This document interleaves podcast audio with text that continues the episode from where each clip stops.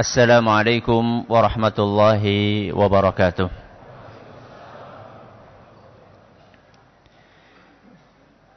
إن الحمد لله نحمده ونستعينه ونستغفره ونعوذ بالله من شرور أنفسنا ومن سيئات أعمالنا. من يهده الله فلا مضل له ومن يضلل فلا هادي له. وأشهد أن لا إله إلا الله وحده لا شريك له وأشهد أن محمدا عبده ورسوله. يا أيها الذين آمنوا اتقوا الله حق تقاته ولا تموتن إلا وأنتم مسلمون. يا أيها الناس اتقوا ربكم الذي خلقكم من نفس واحدة وخلق منها زوجها وبث منهما رجالا كثيرا ونساء.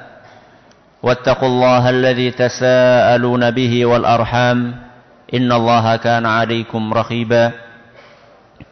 يا أيها الذين آمنوا اتقوا الله وقولوا قولا سديدا.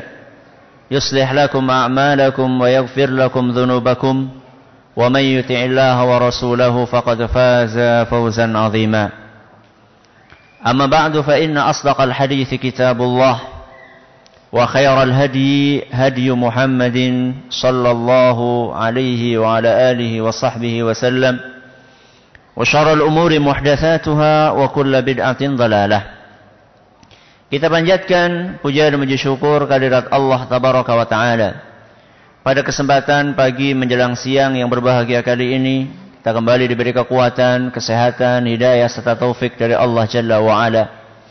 Sehingga kita bisa menghadiri salah satu di antara majelis ta'lim yang kita harapkan semoga Allah tabaraka wa taala berkenan untuk melimpahkan kepada kita semuanya ilmu yang bermanfaat sehingga bisa kita amalkan sebagai bekal untuk menghadap kepada Allah Jalla wa Ala. Amin ya rabbal alamin. Salam dan salam semoga senantiasa tercurahkan kepada junjungan kita Nabi besar Muhammad sallallahu alaihi wa ala alihi wa sahbihi wasallam kepada para sahabatnya, keluarganya dan umatnya yang setia mengikuti tuntunannya hingga di akhir nanti. Para hadirin dan hadirat sekalian yang kami hormati dan juga segenap pemirsa Insan TV dan juga pemirsa Yufi TV yang semoga senantiasa dirahmati oleh Allah Azza wa Jalla. Materi kita sebagaimana telah maklum judulnya adalah agen berkah. Kira-kira mau bahas apa tuh?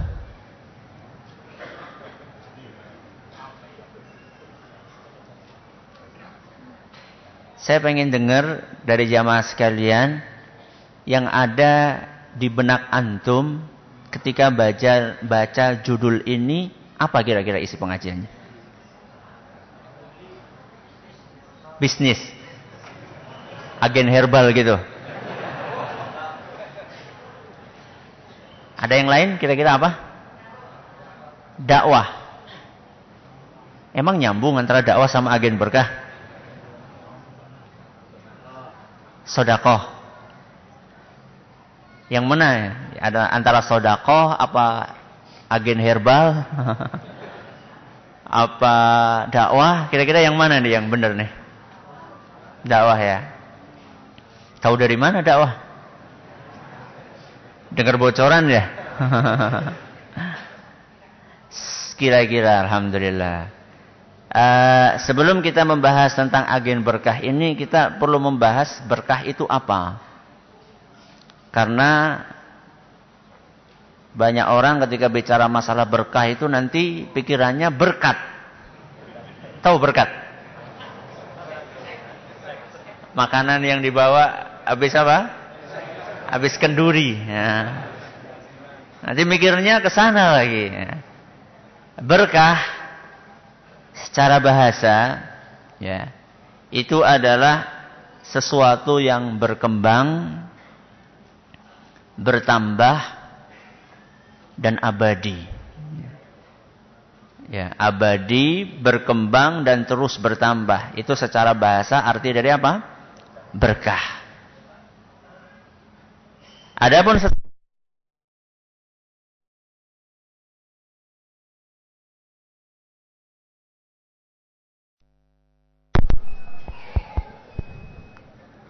Cek. Adapun secara istilah. Ya. Berkah itu artinya adalah kebaikan yang berlimpah yang diberikan oleh Allah kepada siapa pun yang dikehendakinya. Kebaikan yang berlimpah yang diberikan oleh Allah kepada siapa pun yang dikehendakinya. Yang namanya kebaikan itu kan bisa sifatnya materi, bisa sifatnya apa? Non materi. Makanya kan sering di antara kita suka berdoa ya Allah, saya minta rizki yang berkah. Saya minta umur yang berkah. Saya minta istri yang berkah. Nah, saya oh berarti bertambah gitu ya. Mikirnya gitu doang, bertambah terus. Tadi kan anak bilang bertambah, berkembang. Berarti kalau misalnya ketika nikah istrinya beratnya 49 setelah 20 tahun jadi 94. Ini berkah berarti ya. yang nggak sesempit itu nanti kasihan itu yang istrinya sampai tua masih masih kurus terus nanti makanya kan tadi kita sampaikan yang namanya berkah itu tidak selalu bersifat materi yang kelihatan makanya kalau kita minta rizki yang berkah itu nggak mesti harus konotasinya nominalnya itu besar bisa jadi nominalnya sedikit akan tetapi manfaatnya besar. Ini berkah. Ya. Kita juga mendoakan buat Nabi kita Muhammad SAW setiap tahiyat kita bersolawat kepada Nabi SAW. Allahumma salli ala Muhammad wa ala ali Muhammad kama sallaita ala Ibrahim wa ala ali Ibrahim innaka hamidum majid. Terus apa? Allahumma barik ala Muhammad. Apa artinya barik? Limpahkanlah berkah. Ya. Jadi berkah secara istilah agama adalah kebaikan yang berlimpah yang Allah berikan kepada siapa pun di antara hambanya yang dicintai oleh Allah Azza wa Jalla. Adapun agen berkah Maksud kami di sini adalah kita akan membahas salah satu ayat di dalam Al-Quran yang menceritakan tentang salah satu karakter Nabi Isa alaihissalam. Allah sebutkan di dalam Al-Quran surat Maryam ayat 31. Dalam surat Maryam ayatnya berapa? 31. Kata Allah Subhanahu wa taala, "Wa ja'alani mubarakan aynama kuntu." Yang artinya Allah Subhanahu wa taala menjadikanku jadi Allah menjadikan Nabi Isa sebagai seorang yang senantiasa membawa berkah di mana pun aku berada. Jadi salah satu sifatnya Nabi senantiasa membawa berkah. Jadi bukan senantiasa membawa berkat. Nah, nanti ke mana-mana bawa berkat. Tapi membawa berkah. Para ulama tafsir ketika mereka menafsirkan maksud dari ayat ini, ini ketinggian kayak ini ekhonya atau apanya ini. Jadi salah satu di antara ulama tafsir yaitu Imam At-Tabari, beliau berusaha untuk mengumpulkan penafsiran-penafsiran para ulama tentang arti dari berkah di sini. Apa maksudnya senantiasa memberi berkah? Saya akan bawakan beberapa penafsiran para ulama kita, kemudian kita carikan kesimpulan akhirnya apa. Kata Imam At-Tabari, Beliau menukil dari pendapatnya Imam Mujahid rahimahullah. Kata beliau maksud dari memberi berkah di mana-mana itu maksudnya kata beliau nafa'an. Senantiasa memberi man, manfaat. Ini penafsiran yang pertama. Jadi maksud dari aku senantiasa memberi berkah di mana-mana, aku senantiasa memberikan manfaat di mana-mana. Itu penafsiran yang pertama. Penafsiran yang kedua dinukil dari seorang ulama yang bernama Wuhaib ibnul Ward.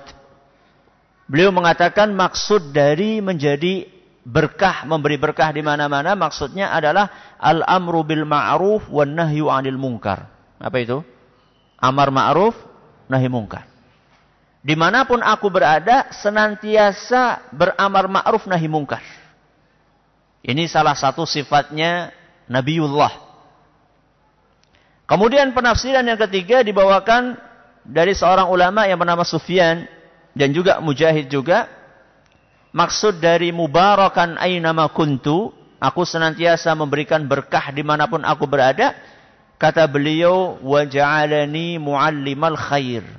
Saya selalu mengajarkan kebaikan di mana pun aku berada. Berarti ada berapa penafsiran tadi? Tiga. Yang pertama apa?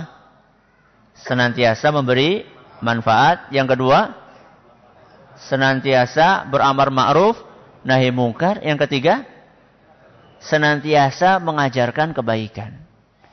Tiga penafsiran ini disimpulkan oleh Syekh As-Sa'di rahimahullah.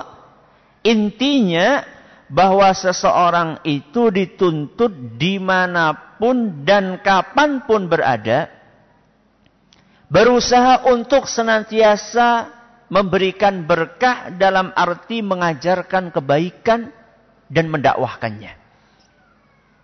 Jadi salah satu sifatnya orang yang beriman, dia itu bisa membawa berkah dengan perkataan dan perbuatannya mengajarkan kebaikan.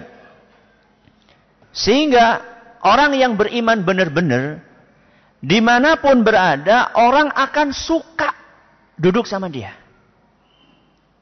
Di kantor orang suka, di pasar orang suka, di masjid orang suka, di sawah orang suka, di rumah orang suka. Suka kenapa? Karena dia senantiasa membawa kebaikan. Inilah seharusnya sifat seorang mukmin. Karena ada sebagian orang yang kurang beriman kepada Allah Azza wa Jal, manakala mereka berada di segala tempat, mereka bukannya membawa kebaikan, malah membawa keburukan. Orang sini mengatakan rese ya. Ya. Sukanya rese, di mana-mana rese. Di lingkungan rumah rese, di lingkungan uh, pekerjaan rese, di mana-mana rese. Hatta di masjid pun apa? Rese. Ke masjid, masya Allah, kelihatannya penampilannya masya Allah. Ternyata pulang-pulang bawa sandal yang bagus. Hmm. Rese ini, masjid kelihatannya bagus, tapi ternyata pulang-pulang membawa barang yang bagus, bukan milik dia. Ya. Kalau orang yang beriman, di mana pun dia berada, dia akan mendatangkan berkah. Senantiasa mengajarkan kebaikan. Di kantor dia mengajarkan kebaikan, di rumah dia mengajarkan kebaikan, di kendaraan dia mengajarkan kebaikan, di pasar dia mengajarkan kebaikan, di toko dia mengajarkan kebaikan, di mana aja dia mengajarkan kebaikan. Inilah salah satu ciri khasnya orang yang beriman. Inilah yang saya maksud dengan agen apa? Berkah. Agen berkah itu artinya adalah orang yang senantiasa jadi agen kebaikan. Alias mengajarkan kebaikan di mana pun dia berada. Jadi maaf ya tadi yang menjawab agen herbal tadi ya. Bukan berarti antum nggak boleh jadi agen herbal, boleh-boleh saja. Tapi yang saya maksud di sini agen berkah adalah orang yang senantiasa bisa membawa kebaikan di mana pun dia berada. Ini berat apa sulit? Hah? Sulit apa berat? Berat apa ringan? Sulit apa susah? Sulit atau mudah? Mudah. Mudah. Masya Allah. Kalau udah kayak gitu semuanya jadi agen berkah ini. Ya. Masalahnya, sebagaimana orang pengen jadi agen herbal, Jadi agen berkah juga sama butuh sesuatu yang namanya modal. Jadi orang pengen jadi agen berkah, dia harus punya modal. Apa Ustaz modalnya? Nah ini yang perlu kita bahas ini.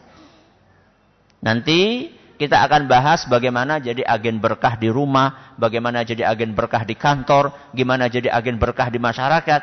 Cuman sebelum kita bahas aplikasi agen berkah ini, kita perlu paham bahwa orang supaya jadi agen berkah, dia harus punya modal. Modalnya apa Ustaz? Banyak. Di antaranya tiga. Di antaranya modalnya berapa? Tiga. Masih ada modal yang lain, cuman ini di antara modal yang paling penting. Yang pertama modal ilmu. Modal apa? Ilmu. Yang kedua modal keteladanan. Yang ketiga modal doa. Berapa modal? Tiga. Yang pertama ilmu, dua keteladanan, yang ketiga doa. Yang pertama ilmu. Ini modal utama nih, yang paling penting. Makanya ada orang Arab mengatakan faqidus syai'i la yu'ti. Orang yang nggak punya duit itu nggak bisa ngasih duit. Ya. Orang nggak punya ilmu, gimana dia mau ngasih ilmu sama orang lain? Pernah suatu saat saya ditelepon sama seorang jamaah pengajian. Ustaz, saya lagi ada masalah. Masalah apa? Iya ini saya habis dakwai orang terus habis itu dia tanya saya nggak bisa jawab. Apa itu? Nah, uh, ada seorang nanya ke saya, Mas, Mas, apa sih hukumnya ngumpul-ngumpul di rumah orang yang sudah meninggal? Dengan PD-nya dia mengatakan haram. Nah. Dalilnya apa? Oh, sebentar deh, sebentar. Anda mau tanya sama Ustadz dulu. Habis itu terus saya ditanya lagi. Ya. Mas, mas, hukumnya yasinan sama tahlil apa? Ya bid'ah lah. Ya. Itu di dalam kitab apa tuh mas? Oh, kitab apa ya? Sebentar, sebentar. Anak dengar pengajiannya kayak gitu. Besok ya, anak kasih tahu. Ah. Ini contoh orang yang berdakwah, tapi modalnya kurang. Semangatnya oke. Okay. Nah, semangatnya oke. Okay. Tapi semangat itu nggak cukup. Di dalam berdakwah itu seorang itu nggak boleh modalnya itu bonek. Apa bonek? Bondo nekat. Nah, itu nggak boleh. Jadi modal dakwah cuma bonek saja, nggak boleh. Nanti bisa-bisa seperti tadi kasusnya. Nah, kalau orang ditanya seperti itu, dia harus siap. Kalau memang dia belum siap untuk memberikan jawaban, maka dia harus berusaha untuk menjanjikan kepada dia kira-kira jawabannya kapan, memberikan jawaban yang meyakinkan. Sekarang kalau misalnya kayak tadi kasusnya, ini kejadian nyata ini, orang cerita sama saya. Kalau kayak tadi kasusnya, orang yang nanya itu kira-kira dia percaya atau malah jadi ragu? Ragu pasti. Ya. Kalau dia tanya loh, apa salahnya kita menghibur orang yang lagi sedih? Orang baru ditinggal wafat misalnya sama keluarganya. Kemudian orang di situ menghibur, duduk di situ. Apa salahnya? Mungkin kan ada orang mengatakan seperti itu. Itu kalau kita nggak punya modal. Nggak punya modal ilmu untuk menjawab pertanyaannya. Atau misalnya kayak tadi misalnya. Yasinan, tahlilan. Langsung dijawab bid'ah. Dalilnya apa? Nggak tahu dalilnya. Padahal sebenarnya ketika menjawab pertanyaan-pertanyaan seperti itu. Kita harus pinter-pinter. Pertama, memberikan jawaban yang pas. Yang kedua, memberikan jawaban dengan bahasa yang mudah diterima. Mungkin pertama kali kita bisa jelaskan apa sih hukumnya membaca surat Yasin. Apa hukumnya? Apa hukumnya membaca surat Yasin? Boleh nggak? Bener nih. Gak ada khilaf di antara para ulama nih di sini nih. Ijma berarti nih. Sepakat semuanya nih. Ya harus jelaskan dulu. Membaca Yasin itu hukumnya apa? Membaca tahlil itu hukumnya apa? Boleh nggak baca tahlil? Boleh. Kalau orang nggak baca tahlil sebelum meninggal, dikhawatirkan nggak bisa masuk surga. Nah itu kan harus dijelaskan terlebih dahulu. Nah, kok ini jawabannya ujuk-ujuk? Tahu kan ujuk-ujuk kan? Tahu, itu bahasa antum kok. Iya kan? Orang Betawi kan tahu ujuk-ujuk kan? tiba-tiba langsung aja bid'ah. Jawab dulu apa itu Yasin, apa itu tahlil, bahwa Yasin itu adalah salah satu surat Al-Quran yang orang membacanya setiap huruf akan dapat berapa? Sepuluh pahala. Tahlil juga salah satu zikir yang paling afdol. Jadi orang pengen jadi agen berkah. Dia itu harus punya apa? Harus punya modal. Ya. Dia harus punya modal ilmu supaya orang yang dia dakwahi itu bisa memberikan atau menerima ilmu yang diberikan dengan penuh kepuasan dan menerima apa yang disampaikan. Ini adalah modal yang pertama, yaitu modal apa? Ilmu. Makanya penting tadi pengacara atau saudara pembawa acara tadi mengatakan jangan tidur.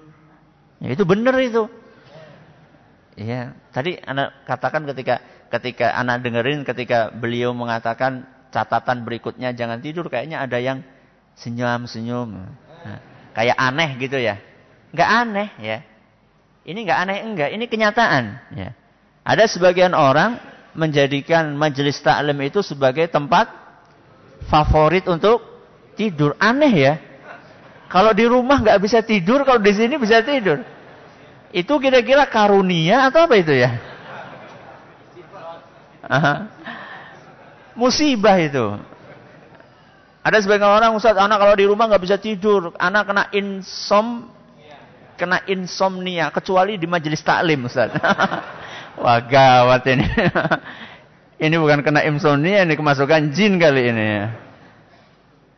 Jadi ini saatnya kita menyerap ilmu dari ustadznya. Kita ambil ilmunya banyak-banyak dari para ulama, dari para ustadz, para dai. Diambil ilmunya banyak-banyak. Kemudian dipahami dengan benar setelah kita punya modal, kita akan melangkah menjadi agen apa? Berkah. Ini modal yang pertama. Apa tadi? Ilmu. Modal yang kedua? Keteladanan. Modal yang kedua, keteladanan. Sebelum saya bicara masalah ini, saya akan membawakan kisahnya Nabi Yusuf alaihissalam. Yang Allah ceritakan di dalam Al-Quran surat Yusuf ayat 36. Surat apa? Yusuf ayat 36. Di situ Allah bercerita tentang kisah dijebloskannya Nabi Yusuf ke mana? Ke penjara. Wadakhala ma'ahu sijna fatayan. Bareng sama Nabi Yusuf masuk ke penjara dua orang pemuda. Jadi Nabi Yusuf masuk, ada dua orang pemuda ikut masuk juga. Qala ahaduhuma. Orang yang pertama, pemuda yang pertama mengatakan, Inni arani a'siru khamra. Pemuda yang pertama mengatakan, saya ngimpi. Saya ngimpi di dalam mimpi saya, saya itu memeras anggur. Ini pemuda yang pertama. Pemuda yang kedua mengatakan, wa qala al-akharu inni arani ahmilu fawqa ra'si khubza ta'kulu at-tayru minhu. Pemuda yang kedua mengatakan, wahai Yusuf, saya ini di dalam mimpiku melihat di atas kepalaku ini ada roti. Kemudian roti itu dimakan sama burung. Keduanya mengatakan nabi nabi ta'wilihi.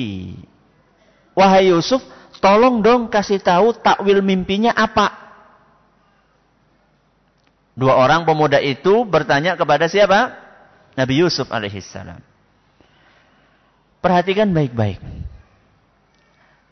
Tiga-tiganya itu kan orang yang biasa diistilahkan dengan pesakitan. Apa itu pesakitan? Napi Ya, orang yang masuk ke penjara. Kalau antum dengar istilah penjara, konotasinya baik apa jelek? Jelek. Orang-orang yang masuk adalah orang-orang yang jelek-jelek. Maksudnya jelek bukan mesti mukanya jelek gitu loh. Perilakunya jelek. Kadang-kadang ada orang ganteng banget masuk apa? Penjara. Maksudnya adalah orang ini kalau sudah bicara masalah penjara, konotasinya, image-nya orang yang jahat-jahat. Tapi coba perhatikan. Kenapa kok dua orang ini bertanya tentang sesuatu yang sifatnya pribadi, masalah mimpi, bertanya kepada seorang nabi. Yang pada saat ini kasusnya dalam tanda kutip nabi yaitu siapa? Nabi Yusuf alaihissalam. Emang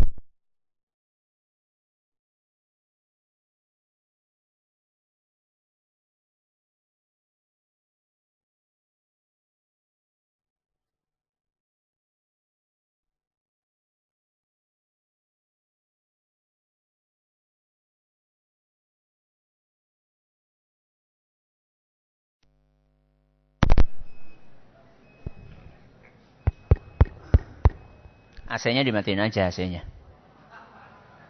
Panas. Nah, anget. Nah, pintunya dibuka kek. Pakai angin segar aja.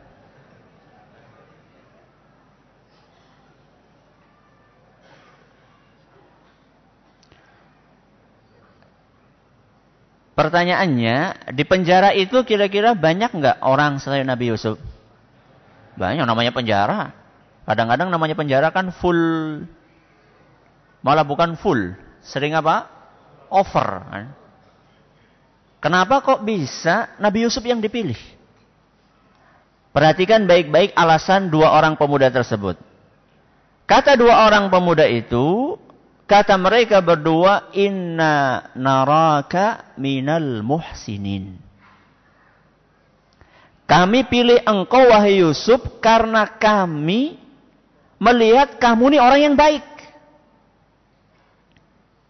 Kok bisa ya orang di penjara orang baik? Kira-kira dari mana mereka bisa menilai seperti itu?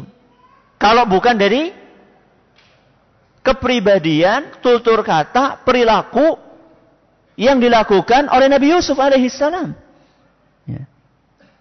Makanya seorang yang pengen jadi agen berkah, dia itu harus punya nilai plus kepribadian yang baik.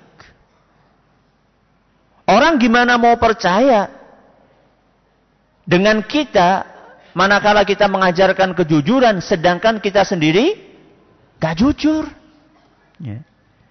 Gimana mungkin orang akan percaya sama kita manakala kita mengajarkan tentang kebaikan kepada tetangga sedangkan kita sendiri nggak baik sama tetangga.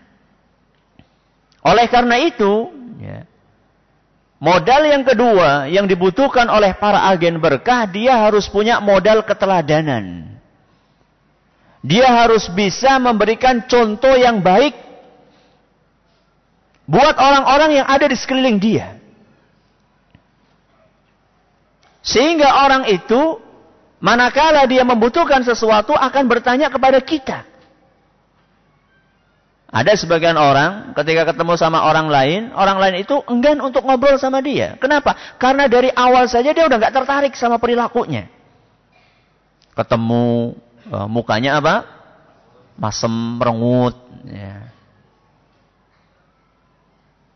Sampai sering saya katakan mungkin dia meyakini bahwasanya gigi dia itu apa? Aurat. Nah. Ini orang-orang yang nggak mau senyum nih kayaknya menurut dia ini giginya apa? Aurat. Namanya aurat kan harus dia apa? Ditutupi. Jadi ke mana-mana ketemu tuh mm, mingkem. Tutup mulut terus. Mending kalau misalnya tutup mulutnya untuk menjaga lisan dari yang keburukan. Ini enggak. Terus kemudian orang senyum. ya Orang senyum. Itu kan nggak mesti harus ngomong. Orang senyum itu sudah enak melihatnya. Keteladanan. Makanya Nabi kita Muhammad sallallahu alaihi wasallam orang yang lihat muka beliau at the first sight nah, itu bisa jatuh apa? Jatuh cinta di pandangan yang pertama. Kok bisa seperti itu? Karena Nabi kita sallallahu alaihi wasallam adalah sosok yang ramah ya, sosok yang supel, sosok yang dermawan, sosok yang suka tersenyum, ketemu sama orang, orang itu suka kalau duduk di samping Nabi Shallallahu Alaihi Wasallam. Sehingga diceritakan dalam Al-Quran banyak di antara mereka itu kalau duduk sampai sama Nabi itu sampai lama banget, sampai Nabi itu gak enak untuk untuk ngasih tahu gitu lah, untuk ngasih tahu enti itu udah lama di sini gitu lah. Karena kita kan sulit juga ngasih tahu kan tamunya kita sudah kursinya udah apa? Geser-geser kayak gini, kita udah pindah kanan, kita udah apa, udah menguap, kita udah apa? Main jari, kita kepalanya udah kayak gini, ini orang nggak paham-paham tamu ini, masya Allah. Ada sebagian orang itu kalau duduk ya, sama dia itu merasa nyaman gitu loh. Tapi sebaliknya ada sebagian orang kalau duduk sama dia, itu rasanya nggak nggak nyaman. Kayak duduk di atas bara api. Ya. Nabi kita Shallallahu Alaihi Wasallam orang belum duduk sama beliau, baru melihat mukanya saja sudah tertarik. Ini disebutkan dalam sebuah hadis yang diriwayatkan oleh Imam Tirmidzi. Dan hadis ini dinyatakan sahih oleh beliau. Cerita tentang salah seorang yang awalnya Yahudi. Kemudian masuk Islam. Beliau adalah Abdullah ibnu Oh, Mas Abdullah ibnu Umar. Abdullah ibnu mantan orang Yahudi. Abdullah ibnu Salam. Siapa? Abdullah ibnu Salam. Jadi ketika Nabi Shallallahu Alaihi Wasallam datang ke Madinah, Ketika Nabi SAW datang ke Madinah, orang-orang kan pada berbondong-bondong menyambut kedatangan siapa? Rasul Shallallahu Alaihi Wasallam. Mereka berbondong-bondong mendatangi Rasul SAW. Abdullah bin Salam ini belum masuk Islam. Tapi dia juga penasaran, kayak apa sih orang yang namanya Muhammad ini? Akhirnya beliau ikut nyelip itu. Ya. Dia ikut di antara rombongan-rombongan orang yang menyambut Nabi SAW Kemudian beliau mengatakan bagaimana kesan pertama beliau. Falam mastabantu wajha Rasulillah sallallahu alaihi wasallam. Ketika saya melihat wajah Nabi sallallahu alaihi wasallam at the first sight yang saya katakan tadi, di pandangan apa? Pertama, araftu anna wajhahu laysa biwajhi kadzab saya langsung tahu bahwasannya muka ini ini bukan muka orang yang suka bo bohong. Jadi hatta sampai orang kafir pun begitu melihat wajahnya Nabi Shallallahu Alaihi Wasallam langsung tahu ini bukan wajah orang pembohong alias ini orang yang ju yang jujur. Dan ini luar biasa ini modal modal utama seorang mau jadi agen berkah itu orang lihat kita itu sudah langsung adem. Dan itu nggak bisa dibikin-bikin. Ya. Jadi nggak ada salon bikin wajah apa supaya jujur itu nggak ada. Kalau bersihin wajah namanya fa apa? Facial lah. Ya. Bikin supaya wajah kelihatan bersih, ya kelihatan putih, itu ada. Tapi supaya wajah kelihatan jujur, tulus. Itu kayaknya nggak ada deh salon yang bikin kayak gitu.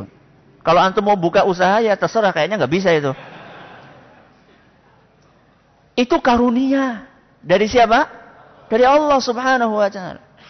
Dan lihat ya. Ketika Abdullah bin Salam sudah jatuh hati sama Nabi melihat wajahnya, terus Abdullah bin Salam mengatakan, "Wa kana awwalu syai'in takallama bihi anqal." Dan pertama kali saya dengar ucapan beliau, lihat. Kadang-kadang orang tertipu melihat apa? Wajah. Begitu ngomong tahu-tahu menyakitkan. Ya. Ini lihat bagaimana Nabi SAW wajahnya sudah menyejukkan. Omongannya pertama kali saya dengar kata Abdullah bin Salam, Ya ayuhan nas, wahai para manusia, afshus salam. Tebarkanlah salam. Wa at'imut ta'am. Kasih makan sama orang lain. Wa sallu wan nasuniyam. Salatlah kalian ketika orang-orang sedang pada tidur. Tadkhulunal jannata bisalam. Kalian akan masuk surga dengan penuh kedamaian. Subhanallah, pas banget nama akhirnya salam itu. Padahal tadi namanya Abdullah bin bin Salam. Bukan berarti kita kalau ketemu sama orang ente masuk surga dengan namanya siapa misalnya. Enggak mesti. Ini qadarullah ini sama, subhanallah, ya. Jadi Nabi wasallam menjadi agen berkah modal salah satu modal utamanya adalah keteladanan. Bagaimana orang bisa percaya sama obrolan Nabi SAW? Karena mereka percaya dengan keteladanan beliau Sallallahu Alaihi Wasallam. Kita gimana mau diterima dakwah kita sama tetangga kita kalau kita suka nyakiti mereka? Gimana kita mau diterima dakwah kita di kantor kita kalau kita sendiri jarkoni? Apa jarkoni? Ngajar nggak mau ngelakoni. Ya. Ngajarin orang supaya jujur, ternyata dia juga korupsi. Ngajarin orang supaya disiplin, ternyata dia juga suka berangkat telat, pulang gasik. Nah, belum saatnya pulang dia udah pulang, sudah saatnya masuk dia belum datang. Kayak gini nggak mungkin diterima dakwahnya. Ini modal yang keberapa? Yang kedua. Modal yang ketiga, apa tadi? Doa. Ini penting banget nih, modal yang ketiga nih. Nabi Shallallahu Alaihi Wasallam bersabda dalam sebuah hadis yang diriwayatkan oleh Imam Muslim. Kata Nabi Shallallahu Alaihi Wasallam, Inna quluba bani Adam kullaha. Hatinya bani Adam semuanya. Jadi hatinya bani Adam. Siapa bani Adam? Ana sama antum manusia, kita semua Bani Adam. Ya. Hatinya seluruh Bani Adam baina isba'aini min asabi'ir rahmani kakalbin wahid. Hatinya Bani Adam semuanya itu kata Nabi sallallahu alaihi wasallam hanya seperti satu hati tok di antara dua jari Allah Subhanahu wa taala. Bani Adam itu jumlahnya berapa? Ada nggak survei? Nah, survei dari zamannya siapa? Nabi Adam sampai hari kiamat. Tidak mungkin. Ya. Semua hatinya manusia itu di antara dua jari-jari Allah seperti hati satu orang saja. Artinya apa? Yusarrifuhu haitsu yasha. Allah subhanahu wa ta'ala akan mengarahkan hati tersebut sesuai dengan kehendaknya. Jadi kalau misalnya kita sulit banget dakwahin orang, entah anak kita, entah istri kita, saya yakin mungkin ada di antara jamaah sekalian yang suaminya udah ngaji, tapi istrinya belum. Atau ibunya udah ngaji, suaminya belum. Ayah ibunya udah ngaji, tapi anaknya belum. Anaknya udah ngaji, ayah ibunya udah ngaji, tapi kakeknya, neneknya belum. Ada nggak? Banyak. Hmm. Kalau kita sudah kepepet dan bukan hanya kepepet, dari awal kita seharusnya mendukung dakwah kita itu dengan doa. Makanya diceritakan Abu Hurairah radhiyallahu anhu itu kan ibunya masuk Islam nggak bareng-bareng sama Abu Hurairah. Jadi Abu Hurairah duluan masuk Islam. Setelah beliau masuk Islam, beliau berusaha untuk dakwah ibunya. Sampai suatu saat, saking seringnya Abu Hurairah berusaha untuk mengajak ibunya masuk dalam agama Islam, ibunya jengkel. Akhirnya mengeluarkan kata-kata makian, cacian kepada Nabi kita Muhammad Sallallahu Alaihi Wasallam. Kemarin-kemarin kalau yang dihina Abu Hurairah sendiri dia masih tahan. Ini yang dihina siapa? Rasul SAW nggak tahan dia. Akhirnya sambil berurai air mata, beliau datang kepada Nabi kita Muhammad sallallahu alaihi wasallam. Ngadu beliau. Apa kata Abu Hurairah? Inni kuntu adu ummi ilal Islam fata'ba alayya. Wahai Rasul, saya sering ngajak ibu saya untuk masuk kepada Islam, tapi ibu saya nggak mau. Fada'autu hal yawma fa asma'atni fika ma akrah. Hari ini wahai Rasul, saya dakwahi beliau, saya ajak beliau Malah beliau mengeluarkan kata-kata yang gak enak banget.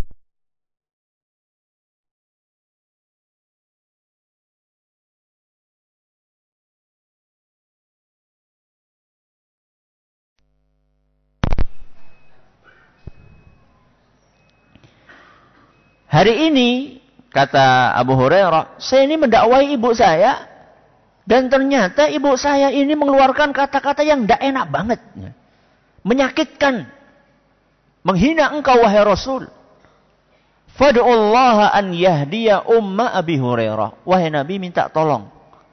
Aku minta tolong doakan ibuku supaya mendapatkan hidayah. Ini curhat. Ya, seorang sahabat curhat sama siapa?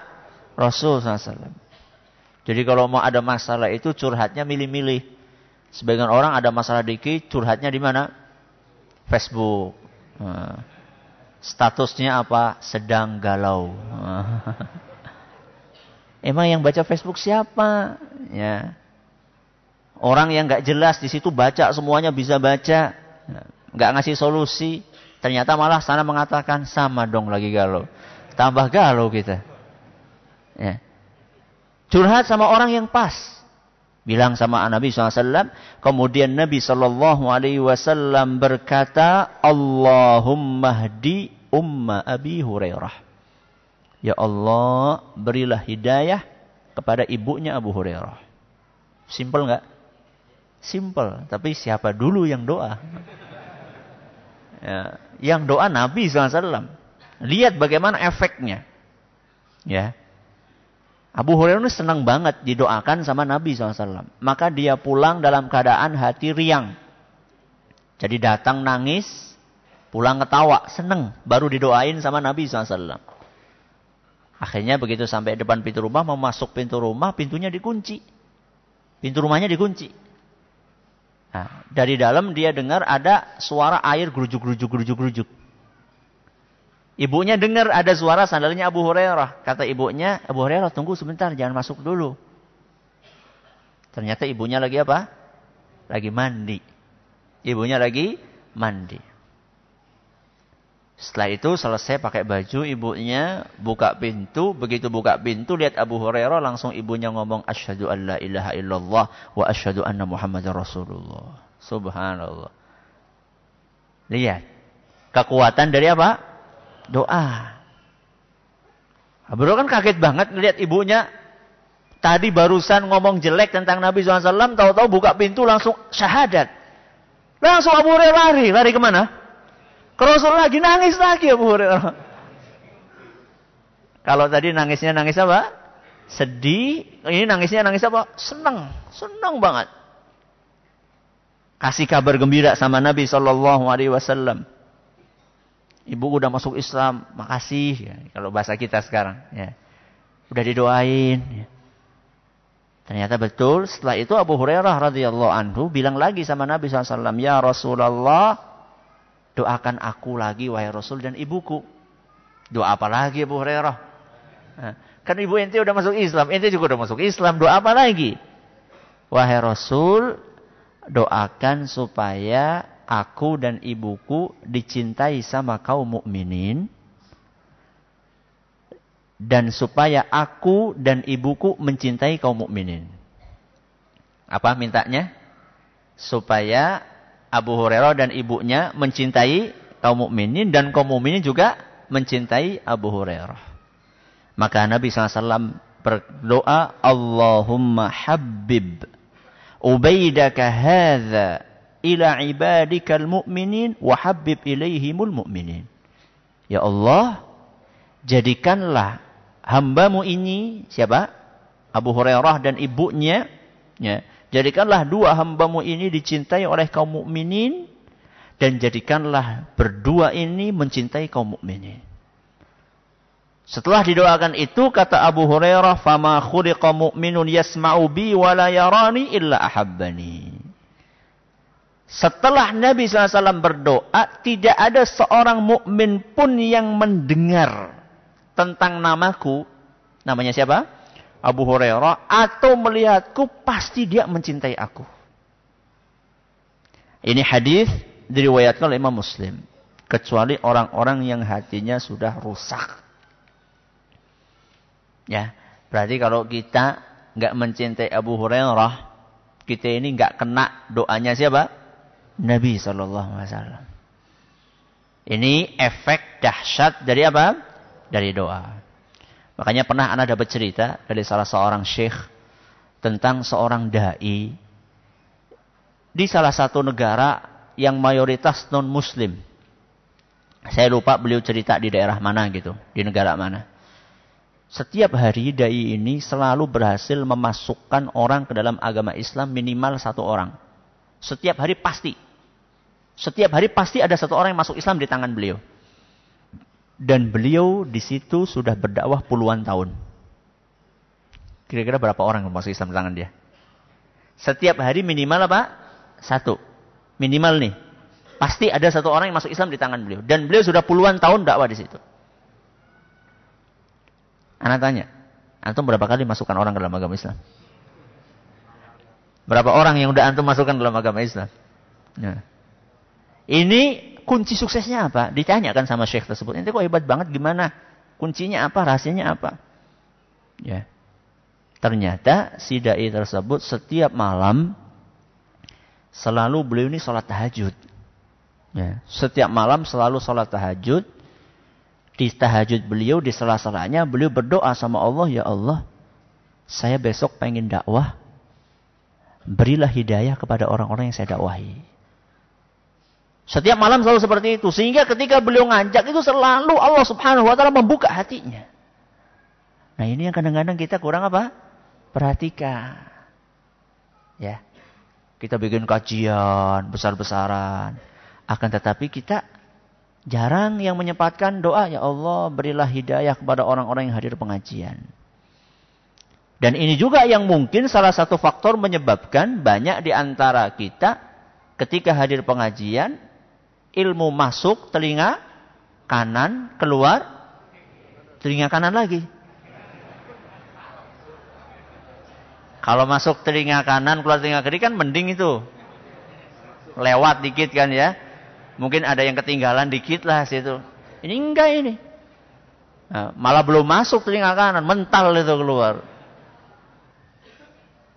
Ini jangan melulu disalahin jamaahnya, mungkin panitianya nggak doa itu. Atau mungkin ustadznya nggak doa. mungkin enggak? Mungkin, jangan salah melulu jamaahnya, ustadznya juga mungkin salah. Jadi kita ini ketika akan menjadi agen berkah, modal yang paling utama yang ketiga apa? Doa. Berapa modalnya? Tiga. Sudah. Sekarang kita masuk ke aplikasi. Gimana sih jadi agen berkah itu? Sekarang kita nanti insya Allah akan bawakan enam contoh. Ya. Pertama, jadi agen berkah di rumah. Yang pertama apa? Di rumah. Yang kedua, di lingkungan. Lingkungan ini maksudnya apa? Masyarakat sekitar rumah maksud saya. Tetangga-tetangga gitu. Itu maksud saya lingkungan. Ini yang kedua. Yang ketiga, agen berkah di tempat kerja. Di mana? Tempat kerja. Yang keempat, di majelis taklim. Ini penting nih. Karena dikiranya orang agen berkah di majelis taklim itu cuma siapa? Cuma Ustaz doang. Enggak. Antum juga agen berkah. Ini yang keberapa? Keempat. Yang kelima, agen berkah di kendaraan. Yang keenam, agen berkah di jejaring sosial. Agen berkah di mana? Di jejaring sosial. Yang pertama apa ini? Agen berkah di di rumah. Ini yang paling penting. Kenapa paling penting? Karena orang yang paling berhak untuk kita sikapi dan mendapatkan kebaikan kita siapa? orang yang terdekat dengan kita. Siapa itu? Suami, istri, anak, ayah, ibu, kakek, nenek, buyut, canggah, wareng. Masih apa nih, Masya Allah. Apalagi tuh di atasnya? Tahu nggak? Atasnya lagi apa? Di atasnya lagi apa? Ubek-ubek. Udek-udek siwur. ya bapaknya bapaknya, bapaknya, bapaknya gitu ya. ya. Itu keluarga terdekat. Ya, paman, bibi, pak D, bude, pak Le, bule, ya.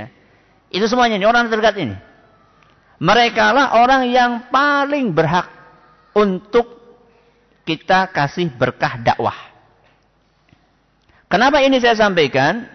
Karena amat disayangkan, tidak sedikit di antara orang-orang yang aktif berdakwah, ke mana-mana malah keluarganya terabaikan. Ini sangat memprihatinkan. Bahkan kadang-kadang di antara para aktivis dakwah atau bahkan di antara ustadz sendiri.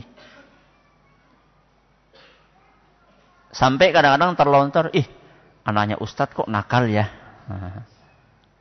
Ih istrinya ustadz kok baca Qur'annya nggak fasih ya. Bahkan sampai-sampai ada sebagian istri ustadz, ya, gak usah saya sebutkan.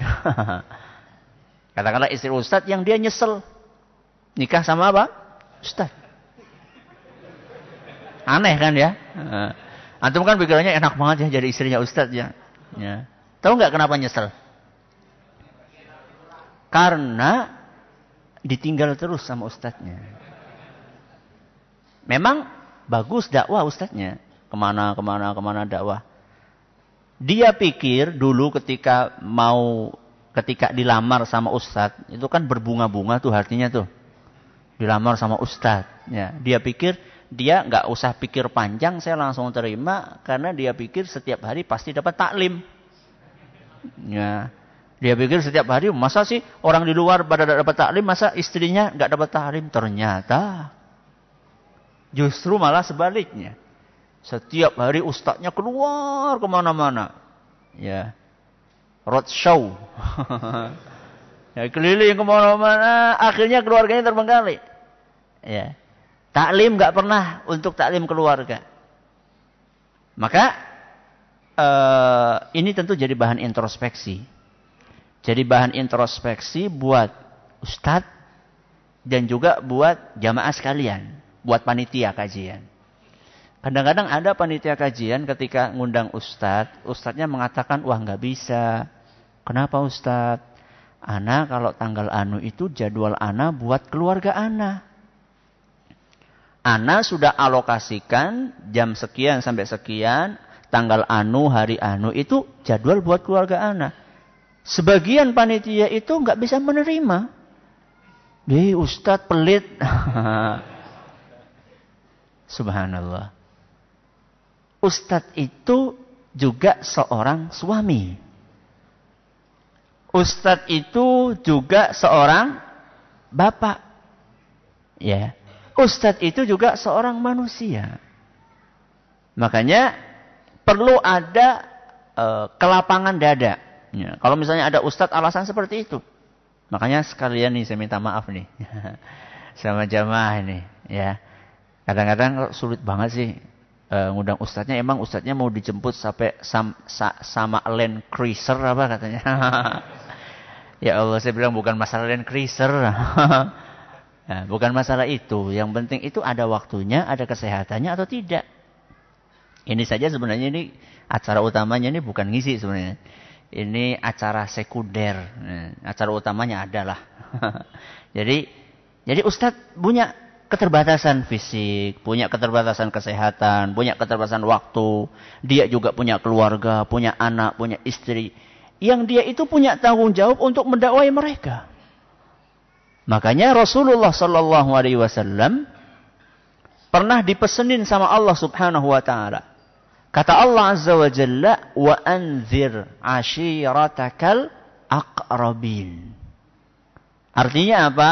Wahai Muhammad, kasih peringatan kepada keluargamu yang terdekat terlebih dahulu. Ini dalam Al-Quran surat Ash-Shu'ara ayat 214. Dalam surat apa? Ash-Shu'ara ayat 214. Dalam ayat ini Allah subhanahu wa ta'ala memberikan peringatan kepada Nabi Muhammad SAW. Kalau mau dakwah itu, awali dulu dari keluargamu. Coba perhatikan Nabi SAW. Pertama kali yang didakwai siapa? Khadijah. Istri beliau. Setelah itu kemudian di antara yang didakwai juga Ali bin Abi Thalib. Dan masih ada yang lainnya. Orang-orang yang terdekat beliau sallallahu alaihi wasallam. Ustaz itu kan ayatnya buat Nabi Muhammad SAW. Loh, emang kalau buat Nabi Muhammad kita umatnya siapa? Kita kan umatnya siapa? Nabi Muhammad. Apalagi ada beberapa nas lain yang sifatnya umum. Yang mencakup Nabi kita Muhammad SAW dan umatnya. Yaitu firman Allah subhanahu wa ta'ala dalam ayat Al-Quran yang sering kita baca. Al-Quran surat At-Tahrim ayat 6. Apa itu? Ya ayyuhalladzina amanu ku anfusakum wa ahlikum nara. Wahai orang-orang yang beriman, peliharalah, jagalah diri kalian dan keluarga kalian dari api neraka. Para ulama tafsir menafsirkan maksud dari ayat ini, kata mereka maksudnya adalah ajarkan kebaikan kepada keluarga engkau supaya itu bisa melindungi mereka dari api neraka. Ah, sekarang apa yang sudah kita lakukan buat keluarga kita? Buat anak kita, istri kita, ada kejadian nyata. Ada pernah orang datang ke rumah. Dia bercerita, Alhamdulillah Ustaz dapat hidayah. Udah berapa lama? Ya baru baru aja Ustaz setahun, dua tahun. Masya Allah, Alhamdulillah. Gimana keluarga? Aduh Ustaz susah nih anak-anak gini, gini, gini. Ustaz, anak mau nitip anak-anak ya. Dia pondok Ustaz. Oke, oke, enggak apa-apa. Tapi kalau bisa, anak tanya dulu. Anak antum udah ada tertarik sama ilmu agama, maksudnya sama manhaj yang benar atau belum? Belum Ustaz. Anak saya sekarang mondok tapi pondoknya di tempat pondok yang ya mungkin manhajnya kurang benar lah gitu. Saya pengen pindahin itu Ustaz ke pondok antum. Anak bilang, tidak apa-apa tapi antum garap dulu anak antum itu. Maksudnya dipersiapkan mentalnya dulu, kondisi psikologisnya dulu, dikenalkan dulu antum. Karena jelas kedekatan antum sama anak antum itu lebih dibandingkan kedekatan ustadz kepada dia. Ah enggak Ustaz, bismillah lah anak pindahin aja, anak percaya. Ya sudah. Tapi kalau anak antum kabur nanti jangan salahkan anak ya, anak bilang. Karena di tunas ilmu di pondok kami itu enggak ada pagar tinggi-tinggi itu enggak ada. Jadi pokoknya terbuka gitu aja. Mau kabur ya ya bisa-bisa aja, gampang aja. Kapan pun dia mau kabur bisa. Karena memang kita berusaha di situ, maksudnya santrinya itu dipakai kesadaran lah, bukan dan juga kita pengen membaur sama masyarakat dalam arti tidak eksklusif, tetap berinteraksi dengan masyarakat dengan harapan bisa mewarnai mereka. Nah bilang kalau nanti anak antum kabur, jangan salahkan anak ya. Betul. Masukkan situ, bawa situ. Anak tanya anaknya gimana? Antum masuk ke sini dengan kesadaran sendiri, keinginan sendiri? Iya. Ya, iyanya ya. Hmm, kita kan bisa, ya bukannya anak dukun. Nah, nah, tapi orang karena sering ngobrol gitu kan, bisa tahu ini iyanya iya beneran, apa iya bohongan kan bisa. Bener dia. Sehari, dua hari, tiga hari, Ustadz mau minta izin. Izin ke mana? Ke rumah teman di mana? Di sana.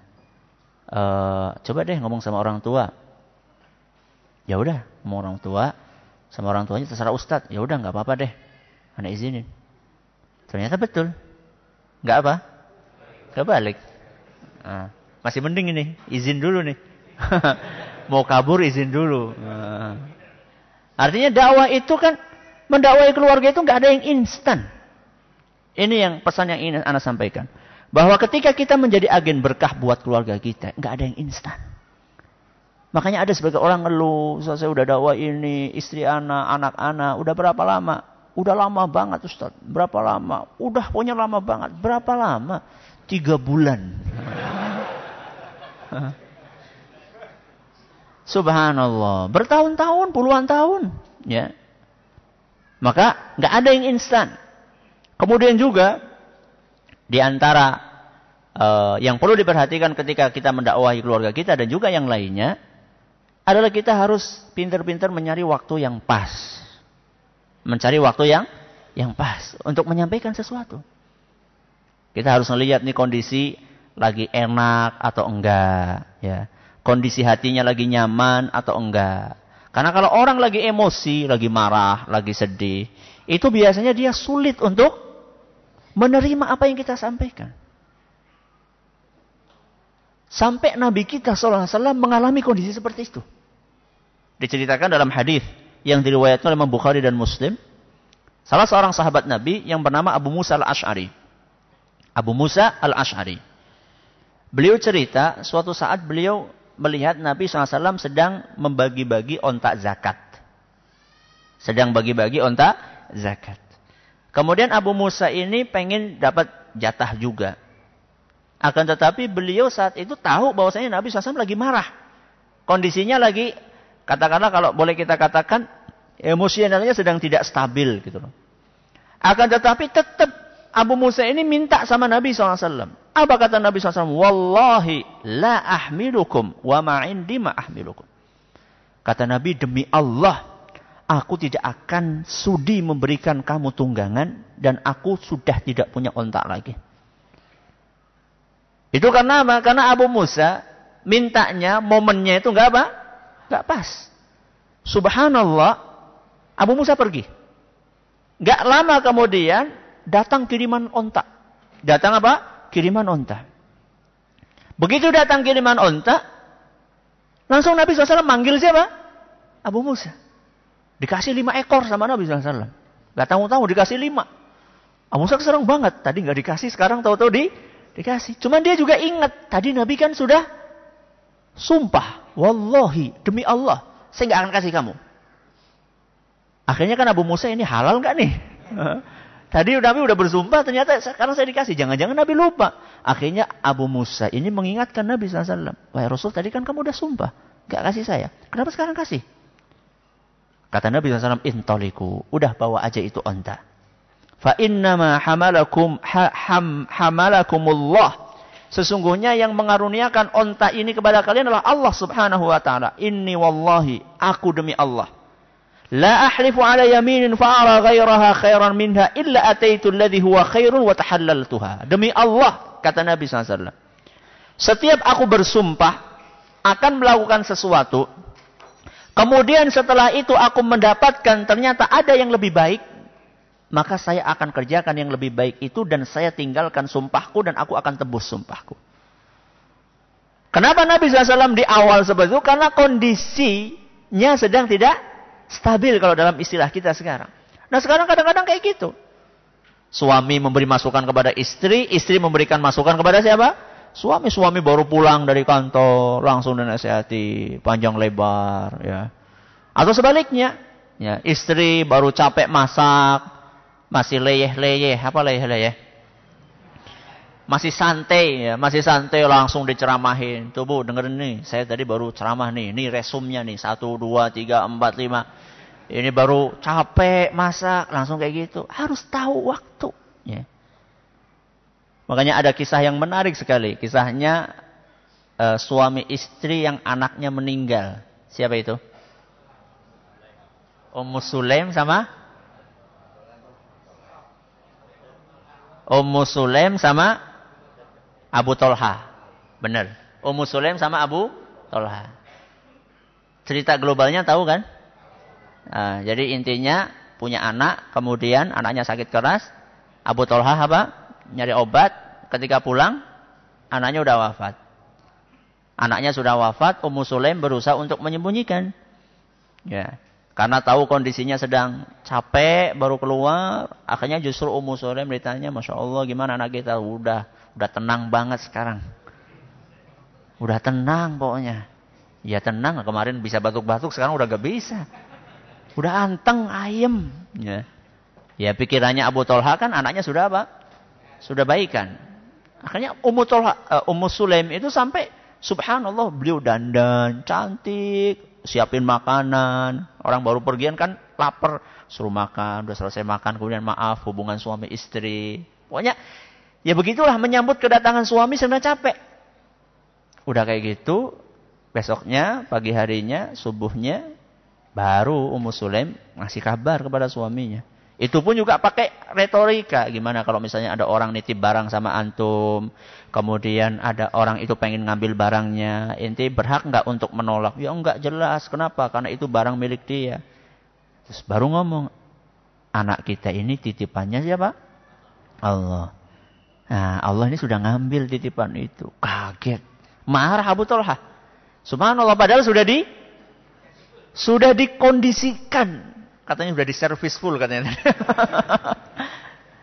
ya emang betul. Makanya sampai urusan ranjang semuanya. Subhanallah masih marah juga Abu Talha.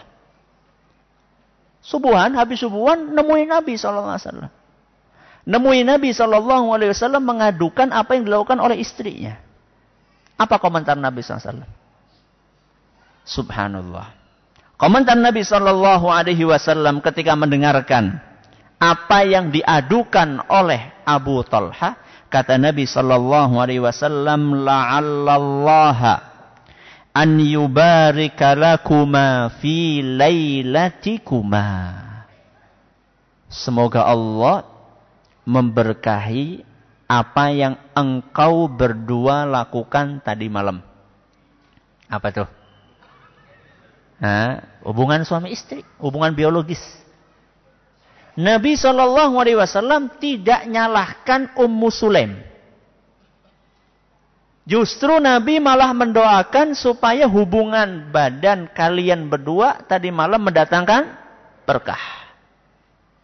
Kata para perawi hadis, setelah kejadian itu kehilangan satu anak, ya Kata para perawi hadis Abu Talha sama Ummu Sulaim dengan berkat doa Nabi SAW dikaruniai sembilan anak dan semuanya hafid Quran. Barokah apa nih? Doanya Nabi pertama. Yang kedua, barokah dari kepiawaian Ummu Sulaim. Di dalam memilih waktu yang pas anda nggak bisa bayangkan. Kalau kejadian itu menimpa ibu-ibu sekarang. Kira-kira gimana tuh? Ya, suaminya baru pulang, saya, Pak, anak kita mati. Allahu Akbar. Insya Allah ibu-ibu di sini nggak kayak gitu bu ya. Masya Allah ya. Itulah namanya memilih apa? Momen. Ya. Memilih waktu yang tepat untuk menyampaikan sesuatu. Dakwah juga sama kayak gitu. Jadi ketika kita ingin menyampaikan sesuatu, walaupun itu kebaikan, kita harus milih waktu yang tepat. Apalagi sama suami, istri, dan seterusnya. Sama anak-anak kita juga gitu.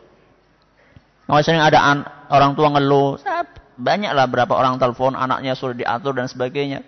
Bisa jadi kita itu yang kurang pintar memilih waktu yang pas untuk menyampaikan kebaikan kepada anak kita. Ini adalah yang pertama, agen berkah di mana? Di rumah. Yang kedua, di mana? Yang kedua, di lingkungan. Agen berkah di lingkungan. Sebelum saya menyampaikan yang kedua ini, saya ingin cerita, mengingatkan cerita tentang kisah renovasi Ka'bah. Kisah renovasi Ka'bah. Ingat nggak saat itu Nabi usianya berapa? Berapa? Sebelum diangkat menjadi Nabi lima tahun. Berapa tuh? 35.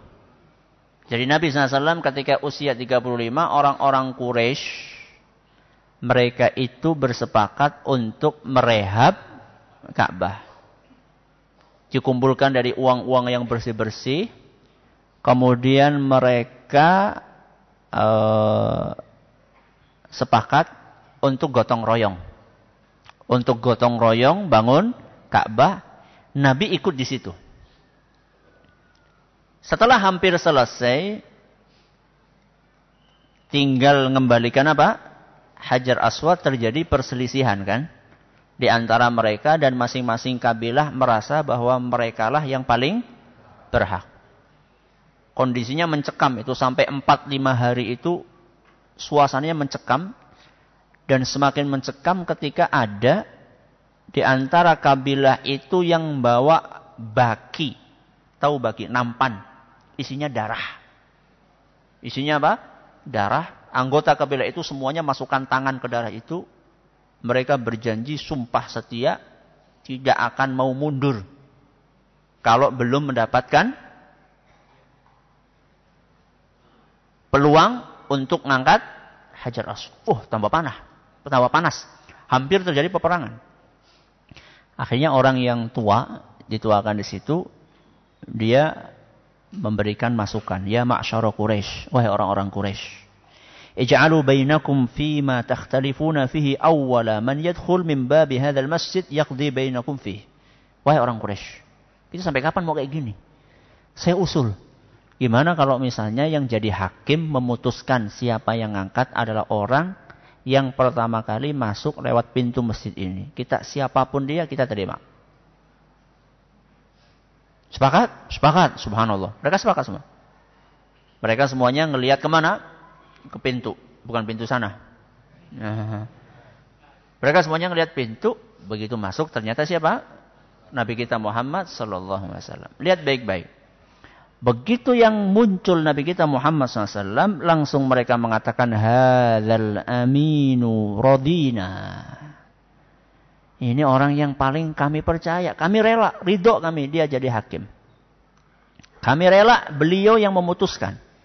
Akhirnya betul Nabi kita SAW memberikan sebuah solusi yang sangat luar biasa. Masing-masing ditaruh, eh, masing-masing kabilah megang apa? Kain, kemudian hajar aswadnya ditaruh di atas kain, kemudian digotong bareng-bareng, baru kemudian hajar aswad dikembalikan oleh Nabi SAW dengan tangan beliau. Yang ingin saya sampaikan di sini coba lihat. Kenapa kok orang-orang Quraisy semuanya sepakat untuk menerima ketika yang kelihatan siapa? Nabi Muhammad.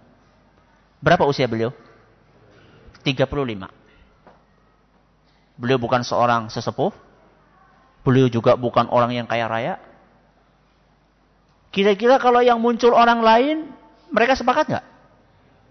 Mungkin akan berbeda. Misalnya yang muncul Abu Jahal misalnya. Eh, atau temannya siapa? Abu Abu Lahab misalnya. Kenapa? Ya. Kenapa kok begitu yang muncul Nabi kita Muhammad SAW semuanya sepakat, gak ada yang tidak menerima, semuanya menerima. Padahal usia beliau baru 35, beliau belum diangkat menjadi nabi, ya. Beliau juga seorang bukan bangsawan, maksudnya bukan orang yang kaya raya. Kenapa? Kenapa kira-kira coba? Apa? Jujur. Toladan. Karena image positif tentang Nabi Muhammad SAW. Orang Mekah semuanya tahu Nabi Muhammad ini apa? Orangnya baik. Sekarang pertanyaan berikutnya. Gimana mereka tahu Muhammad baik? Dari kesehariannya. Jadi Nabi kita SAW terkenal jujur itu bukan karena beliau pasang poster. Pilih saya, saya adalah orang yang jujur, bukan. Bukan lewat pencitraan media, bukan. Nabi kita Shallallahu Alaihi Wasallam punya image yang bagus itu karena keseharian beliau baik. Pertanyaan berikutnya, bagaimana orang-orang bisa tahu keseharian Nabi SAW? Karena mereka, Nabi SAW berinteraksi dan membaur dengan masyarakatnya. Ini yang ingin saya sampaikan. Jadi saya cerita panjang itu saya ingin nyampaikan ini. Ya. Bahwa Nabi SAW bisa dikenal baik karena beliau membaur dengan masyarakatnya. Inilah salah satu yang kurang diperhatikan oleh mereka-mereka yang terjun di dalam dunia dakwah. Bahkan ada sebagian orang di zaman ini malah memerangi perilaku membaur ini. Jadi kita berusaha untuk membaur dengan masyarakat. Coba lihat Nabi SAW. Ketika bangun Ka'bah ikut nggak Nabi? Ikut. Ikut angkat batu. Yang lainnya angkat batu, beliau ikut angkat batu. Kotong royong, ikut kerja bakti Nabi SAW. Ketika orang-orang pada berdagang ke Syam, Nabi ikut ke Syam berdagang. Orang-orang pada menggembala kambing. Nabi ikut apa? Menggembala kambing. Ada peristiwa namanya Hilful Fudul. Peristiwa namanya apa? Hilful Fudul. Hilful Fudul itu adalah semacam MOU. Kesepakatan orang-orang musyrikin jahiliyah untuk membela orang yang tertindas. Nabi ikut. Ya. Ikut di situ. Artinya apa? Artinya Nabi kita Shallallahu Alaihi Wasallam adalah orang yang membaur dengan masyarakatnya. Inilah salah satu hal yang harus kita perhatikan ketika kita menjadi agen berkah di lingkungan kita. Gimana kita mau dengar? Gimana kita mau didengar oleh masyarakat kita? Diajak kerja bakti, nggak pernah ikut. Ya. Ada kumpulan RT, nggak pernah datang. Ada orang meninggal, nggak pernah takziah. Ya. Punya rezeki banyak, nggak pernah bagi-bagi sama orang lain. Gimana mau dikenal sama masyarakat? Gimana mau diterima dakwahnya kalau misalnya dia ini tidak bisa membawa dan membaur diri dengan masyarakatnya? Ini yang harus kita perbaiki. Ya. Makanya ada istilah kalau kita sama masyarakat itu kita perlu 3S. Apa 3S? Senyum, sapa, salam. Ya, senyum, sapa, salam. Ada sebagian orang itu nggak tahu tetangganya namanya siapa. Ya, kalau di Jakarta nggak tahu nih di Jakarta ini kayak gini nih suatu fenomena yang wajar apa enggak tuh? Di sebagian perumahan elit mungkin wajar ya. Ya, sebagian perumahan elit itu kalau nggak tahu tetangga ya wajar aja. Lulu, gue-gue. Ente urusan ente sendiri, anak urusan anak sendiri. Itu nggak bisa itu sebenarnya. Kita adalah makhluk sosial yang harus kita bergaul dengan masyarakat. Makanya Nabi Shallallahu Alaihi Wasallam mengatakan dalam sebuah hadis yang diriwayatkan oleh Imam At-Tirmidzi dan hadis ini dinyatakan sahih oleh Syekh Al-Albani. Kata Nabi SAW al-muslimu idza kana yukhalitun nasa wa yasbiru ala adahum. Seorang muslim yang membaur dengan masyarakatnya dan bersabar. Seorang muslim yang membaur dengan masyarakatnya dan bersabar dengan hal-hal yang menyakitkan dari masyarakatnya muslim yang membaur seperti ini lebih baik kata Nabi sallallahu alaihi wasallam khairun lebih baik minal muslimil ladzi la yukhalitun nasa wa ala adahum lebih baik daripada muslim yang enggak mau membaur sama masyarakat dan tidak bersabar menghadapi gangguan dari mereka Ya, kita pengen jadi muslim yang baik atau menjadi muslim yang lebih baik. Ya. Makanya kita berusaha untuk bisa memberikan warna buat masyarakat kita. Akan tapi saya katakan di sini kita membaur bukan melebur. Ya, beda nggak? Beda nggak antara membaur sama melebur? Beda. Apa bedanya? Melebur jadi satu manunggaling kawula Gusti gitu. Melebur itu maksudnya kita ikut apa pun yang ada di masyarakat. Jadi nggak peduli benar apa salah, pokoknya asal itu ada di masyarakat kita ikut itu namanya mem, melab, melebur. Ya, itu namanya melebur. Kalau membaur nggak mesti. Nabi SAW itu membaur, bukan melebur. Makanya Nabi SAW bisa memberikan warna buat masyarakatnya. Sampai subhanallah ya dengan izin Allah Subhanahu wa taala merubah masyarakat jahiliyah ya menjadi masyarakat yang terang benderang dengan agama Islam. Karena apa? Karena taufik dari Allah Subhanahu wa taala, kemudian juga karena beliau membaur dengan masyarakatnya. Makanya orang-orang kenal. Kan ada sebagian orang sekarang mau cari Pak Anu, Pak Anu yang mana ya? Oh itu ya yang jenggotnya tebal itu ya.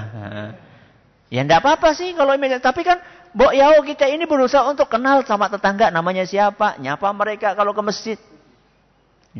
Ada sebagian kalau orang kalau berjalan ya, kalau berjalan mau ke masjid itu jalannya kayak lempeng banget.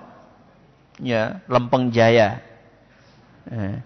Jadi kayak nggak tahu di kanan kiri ini kayak nggak ada orang aja gitu. Seakan-akan kanan kirinya itu semuanya apa? Pohon, batu, pot gitu, selokan ya. Padahal di kanan kiri ada orang lagi duduk-duduk, mungkin mereka lagi main gaple. Ya. Salah nggak kalau kita ngasih salam sama orang main gaple? Enggak. Ya. Enggak salah, malah justru itu bisa menjadi sarana untuk mendakwahi mereka. Ketemu sama mereka, Assalamualaikum. Nanti kan lama-lama kan setiap lewat Assalamualaikum kan nggak enak sendiri nih. Ya. Ah. Lama-lama nanti mereka, wah ini kita saban main gaple disalamin terus deh. Besok kita ikut ke masjid apa ya? Masya Allah gitu kan. Dari apa? Salam. 3S itu. Ya. Senyum ketemu sama orang. Antum enak nggak kalau ketemu sama orang disenyumin? Seneng nggak? Seneng. Enak. Ketemu sama orang kita bawaannya senyum tuh seneng gitu loh. Makanya Nabi Shallallahu Alaihi Wasallam beliau setelah diceritakan sebagian sahabat setelah beliau atau setelah sahabat itu masuk Islam setiap ketemu sama Nabi selalu Nabi itu senyum ketemu sama beliau. Kalau nggak salah Jabir bin Abdullah kalau nggak salah. Jadi ramah banget Nabi SAW. Dan inilah salah satu modal utama ketika kita menjadi agen berkah di masyarakat. Ada sebuah kampung di dekat Bromo. Bromo itu di mana tuh? Jawa Timur. Ya, ada sebuah kampung namanya Argosari. Ya, dekat Bromo sana, Lumajang. Di situ diceritakan uh, masyarakat itu awalnya Muslim tapi kemudian karena lemahnya iman, banyak di antara mereka murtad. Sekitar 6.000 kakak. Murtad masuk ke dalam agama Hindu kalau nggak salah ya. Di Bromo itu banyak Hindunya. Kemudian terjunlah para da'i ke sana. Dan subhanallah mereka ini Masya Allah ya. Pintar untuk memanfaatkan sesuatu yang ada di situ. Mereka itu karena dekat gunung berarti hawanya apa? Dingin. Mereka itu punya tempat, eh, setiap rumah itu punya tempat namanya tumang. Namanya apa? Tumang. Tumang itu semacam ruangan, isinya di situ ada tungkuknya, ada perapiannya. Ya, supaya apa? Supaya hangat. Jadi di situ ya menerima tamu, di situ yang ngobrol sama uh, keluarga, ya di situ ya Pokoknya segala sesuatu lah orang pada situ makan di situ, aktivitas di situ. Nah, para dai-dai itu mereka memanfaatkan keberadaan tumbang ini. Dakwanya itu nggak melulu di masjid, dakwanya itu masuk ke tumbang-tumbang itu tadi. Assalamualaikum, sambil ditemenin kopi. Kan enak kan dakwah sambil ngopi kan? Masya Allah ya. ya. Sambil ada pisang goreng, sambil ada apa. Kalau di sana ada mendoan. ya. Jadi dakwahnya itu luas, ya. Maksudnya dia itu bisa masuk ke mana pun tanpa mengorbankan prinsip. Sekarang mungkin nggak antum dakwah di pos kamling? Mungkin nggak? Anak tanya nih, di antara jamaah sekalian ini yang ikut uh, malam-malam pos kamling, jaga ronda siapa nih? Satpam. Emang di sini udah nggak ada lagi gitu-gitu? Masya Allah. Ya. Kalau di kampung masih ada itu. Ya. Jadi ada sebagian orang kalau mau ronda itu pengennya sama teman-teman yang sama-sama ngaji. Ya, jadi nggak mau kalau suruh jaga ronda itu sama orang yang belum ngaji, sehingga ngumpul sendiri. Ya.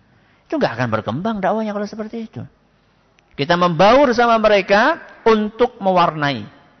Tapi hati-hati, jangan membaur terus diwarnai nanti. Ya, jangan diwarnai, tapi usahakan kita bisa mewarnai. Supaya bisa mewarnai, tadi pakai modal tadi. Tiga modal tadi. Modal apa pertama? Ilmu. Yang kedua, keteladanan. Yang ketiga, doa. Ini yang kedua. Yang ketiga, agen berkah di tempat kerja.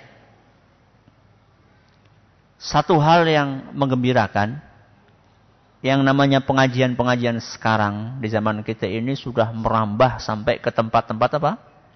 Kerja. Di kantor-kantor, di PT-PT ya. Gak tahu ini yang yang usianya sudah lanjut ini.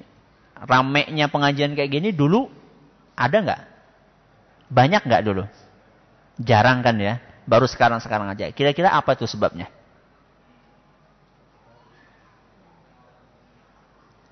Kenapa coba kira-kira sebabnya? Ada sebagian orang mengatakan itu adalah pelarian. Apa? Pelarian. Pelarian dari apa Ustaz? Pelarian dari kejenuhan di dalam pekerjaan. Nah, sekarang kan yang namanya kapitalisme itu kan sangat mendominasi. Pokoknya intinya materi, materi nggak peduli sikut kanan, sikut kiri. Tabrak kanan, tabrak kiri. Gak peduli, pokoknya dapat duit. Kemudian orang banyak di kantor, banyak di pekerjaan, di kerja di kantor 9 jam, di perjalanan berapa jam? 4 jam PP ya, 2 jam 2 jam. Sisanya di rumah. Berarti di rumah itu tinggal apa? Tinggal sisa-sisa. Ketemu sama istri, istrinya juga mungkin saat itu kurang dandan dengan cakep ya, masih bau bau ya bau dapur lah ya. Segala apa yang ada di dapur, akhirnya gesekan, gesekan, gesekan maaf naudzubillah min akhirnya selingkuh ya sama teman di kantor ya nah orang ini tuntutan kerja banyak yang stres akhirnya karena stres ini dia mencari pelarian kalau orang yang nggak beriman pelariannya ke mana diskotik ya dugem apa dugem Hah? Hah? dunia gemerlap ya dunia gemerlap ya seperti itu. Tapi ada sebagian orang yang kemudian larinya kepada pengajian. Karena dia mendapatkan sesuatu yang tidak dia dapatkan. Di dalam materi yaitu ketenangan batin. Makanya yang namanya seperti ini itulah merupakan sesuatu yang menggembirakan. Ya. Animo masyarakat untuk belajar agama yang benar adalah sesuatu yang sangat prospektif. Ini harus kita manfaatkan. Makanya kita harus bisa jadi agen berkah di tempat kita kerja. Nanti kita akan bicara sebagai atasan atau bawahan. Sekarang kita bicara sebagai bawahan dulu. Karena mungkin rata-rata di sini apa? Bawahan. Ya. Kecuali yang memang jadi atasan. Ya. ya, saya tahu suami semuanya atasan, saya tahu. Tapi bukan itu maksud saya gitu. Jadi maksudnya di tempat kerja, maksudnya di di tempat kerja. Kita paling tidak ketika kita menjadi bawahan, kita harus bisa memberi warna dengan apa? Dengan perilaku baik kita. Dengan contoh-contoh real yang bisa kita berikan kepada orang-orang yang ada di tempat pekerjaan kita. Jadi orang lihat kita ini, si fulan ini kok Masya Allah ya. Setelah ngaji, ini tambah kelihatan religius, tambah kelihatan sopan, tambah kelihatan santun, tambah kelihatan disiplin, tambah kelihatan produktif. Jadi orang itu menjadi tertarik. Ya. Ketika melihat ada perubahan, ini yang kadang-kadang kurang diperhatikan. Kita kadang-kadang cuma melakukan perubahan penampilan, lahiriah, jenggot, nggak isbal, tapi kita tidak mengiringi dengan perubahan perilaku. Makanya kadang-kadang ada orang ngomong, "Wah, jenggot-jenggot kok ngomongnya apa? Kasar." Itu karena apa? Karena perubahan penampilan kita lahiriahnya itu sering-sering mengalahkan perubahan kita dalam perilakunya. Nah, orang yang seperti ini sulit jadi agen berkah. Ya. Kalau orang pengen jadi agen berkah, dia harus berusaha untuk memberikan contoh nyata, real, bagaimana pengamalan Islam yang benar. Ini loh kalau orang udah ngaji, dia tambah jujur. Ini loh kalau orang udah ngaji, dia tambah santun. Ini loh kalau orang ngaji, tambah suka membantu orang lain. Ini yang harusnya kita contohkan. Ini loh kalau orang sudah ngaji, dia tambah pinter untuk menyampaikan sesuatu dengan bahasa yang halus. Ini juga penting, memilih bahasa yang pas untuk orang awam. Kadang-kadang kan orang, orang ada nanya nih sama kita, nih, ente kok jadi jenggotan gitu? Ya iyalah, sunnah nabinya. Itu kan gampangnya seperti itu kan. Tapi apakah orang awam itu akan menangkap pesan kita itu? Sunnah apa nih sunnah nabi? Ya. Ini kan mutaba'ah. Mutaba'ah apa pula itu? Nah. Dia nggak tahu mutabah ini makanan apa, kan nggak tahu kan. Jadi kita ini harus pinter menyampaikan sesuatu yang bisa dicerna oleh lawan bicara kita. Pernah ada seorang teman, ya, dia mantan suka ngeband, gitu. mantan suka ngeband gitu sama teman-temannya. Nah dia ini berubah, dia ini berubah, ya, ngaji, kemudian penampilannya jadi berubah gitu, jenggotan, celana cingkrang. Suatu saat ketemu sama temennya, yang juga yang dia belum ya katakanlah belum dapat hidayah masih suka gitu, masih suka ngeband gitu. Akhirnya temannya ini nanya, "Kenapa sih ya? Kalau orang udah ngaji kok penampilannya jadi gitu semua ya?" Nah, kenapa kalau orang ngaji mesti penampilannya seragam kayak gitu? Dipikirnya itu ada seragamnya beli di mana gitu kan. Kenapa jadi seragam gitu ya penampilannya? Nah, teman ini dia bisa bisa mengemas bahasanya dengan enak. Dia ngomong gini. Ingat nggak dulu? ketika kita masih suka ngeband. Iya. Ingat nggak dulu rambut ente kayak apa? Ya kita Rambutnya ya ngelihat siapa artis yang lagi apa? Lagi tenar. Kalau artisnya lagi tenar, rambutnya merah, kita ikut apa? Merah. Kalau artisnya tenar, rambutnya cuma ditaruh di tengah segini, ya kita ikut kayak gitu. Ya. Pokoknya kita ngelihat aja gimana. Terus bajunya masih ingat nggak? Ya ingat. Bajunya gimana? Ya bajunya kalau mereka baju pakai e, pakai levis yang pada bolong-bolong, kita ikut apa? Levis yang bolong-bolong. Kalau mereka pakai sepatu bot, kita ikut sepatu bot idola kita pakai rantai gitu kan. Entah buat apa tuh rantai itu. buat ngikat apa tuh rantai itu. Kita ikut-ikutan. Ya gitulah kita ikut-ikutan nah, sama idola kita. Nah terus teman itu mengatakan, nah itu yang sedang anak lakukan. Kok bisa? Iya. Sekarang idola anak kan nabi kata dia. Sekarang idola anak nabi. Nabi siapa tuh? Masa ente nggak kenal Nabi Muhammad?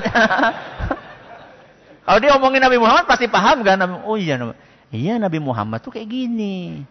Beliau itu pelihara jenggot, kemudian eh, nggak uh, isbal, maksudnya nggak nggak memanjangkan melewati apa uh, mata kaki. Beliau juga perilakunya gini, sholatnya gini. Ini yang lagi anak lakukan.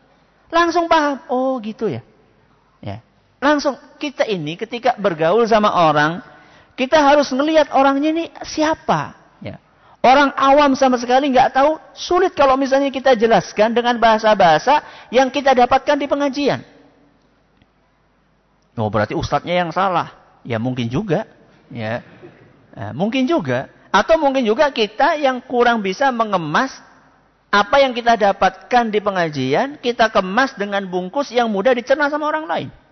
Kadang orang sulit juga kan, misalnya ibu-ibu ketemu sama teman di kantornya. Ih, kamu kok pakaiannya gitu banget sih? Apa ribet banget kamu pakaiannya. Nggak simple katanya. Gede kayak gitu, ya. Kemudian dombrang-dombrang katanya ya. Bajunya kayak gitu. Kayak aneh ini loh simple kan. Jadi kita mau apa gitu enak ya. Gak usah pakai pakai repot gitu loh. Kalau orang katakan, ini kan tuntunan lihat tuh Aisyah kayak gini. Aisyah siapa? Nggak paham umul mukminin itu siapa. Ya. Jadi kalau ngobrol sama orang awam kasih perumpamaan-perumpamaan yang mudah dicerna. Contoh misalnya gini, coba. Ya kan dia tem sama temennya nih, wanita sama wanita. Satunya udah pakai jilbab gede, satunya masih pakai baju you can see.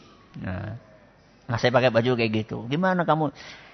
Ya harus pakai bahasa yang enak. Misalnya mungkin, tahu nggak kamu lemper? Tahu lemper nggak? Tahu, masa nggak tahu lemper? Makanan yang dibungkus pakai apa? Daun. Ya. Tahu nggak lemper? Apa bedanya antara lemper yang dijual di supermarket sama lemper yang dijual di pasar? Nah, ya tahu. Apa? Kalau lemper di pasar harganya 1000 perak, kalau di supermarket harganya 5000, 10000. Ya itu anak SD juga tahu bedanya itu. Cuman bedanya apa? Kok bisa yang di pasar harganya seribu, yang di sana harganya lima ribu? Padahal mungkin sebenarnya inti-intinya lemper ya, lemper. Ya, terbuat dari beras, ketan, isinya macam-macam, bisa ayam, bisa macam-macam. Ya. Bedanya apa? Bedanya kalau di pasar itu bisa dijual murah karena dibuka. Nah, di atas tampah. Tahu tampah nggak? Tampah itu loh yang dari apa? Dari bambu itu, anyaman. Itu kan dibuat tampah tuh. Orang mau beli. Nah, bebas orang mau beli itu. Orang mau beli, dia tinggal ngambil. Ini berapa nih bu? Pegang-pegang gitu kan. Seribu. Coba ya cicipi dulu ya, buka dulu. ah nggak enak. Balikin. Nah. Udah kayak gitu kadang-kadang laler, ngung situ kan. Itu kalau di pasar murah itu karena kayak gitu dibuka. Kalau supermarket gimana? Rapet. Supermarket rapet. Di dalam kaca. Ya, kalau orang pengen beli, nggak bisa nyicip-nyicip. Harus apa? Bayar dulu, bawa pulang. Ya, dibungkus, bungkusnya pun apa? Rapi gitu. Nanti baru bawa pulang. Itulah kira-kira perumpamaannya wanita yang nutup sama enggak gitu loh. Kalau orang yang wanita buka-bukaan gitu kan orang nyolek gitu, nggak enak, kembaliin. Nauzubillah min Kalau wanita yang tertutup, ya, wanita yang tertutup itu dia terhormat. Orang mau nyolek-nyolek tuh nggak berani. Ini malah takut. ya bukan takut di sini dalam takut yang sifatnya positif. Maksudnya adalah di ini bukan bukan orang yang maaf, ya, gampang disentuh sama orang.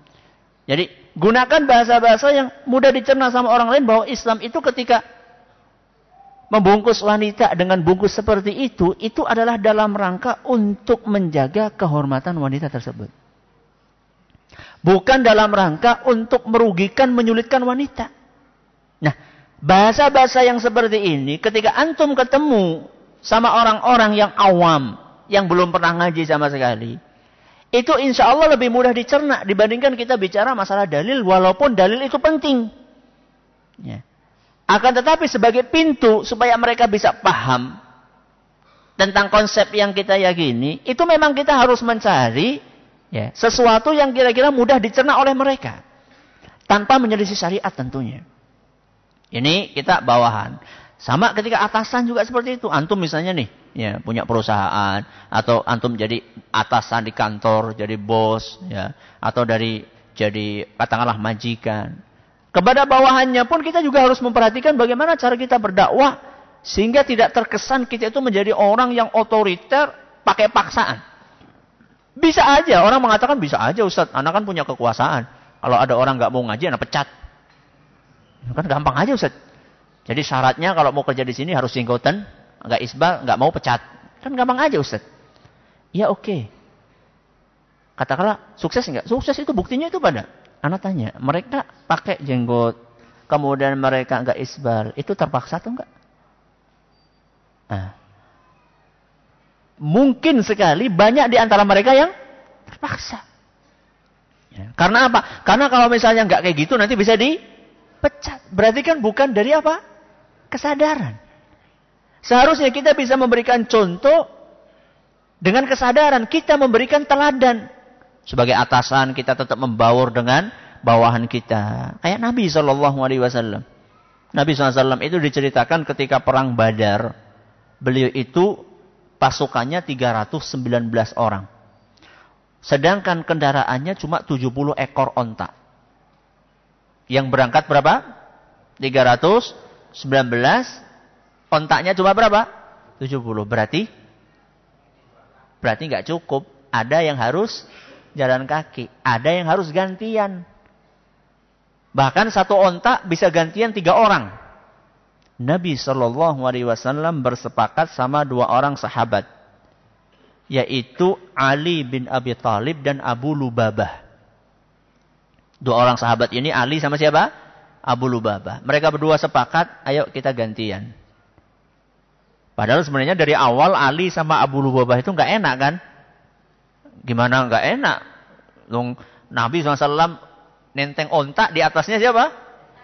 Nah, Ali sama Abu Lubabah. Kan gak enak banget itu kan. Coba antum bayangkan.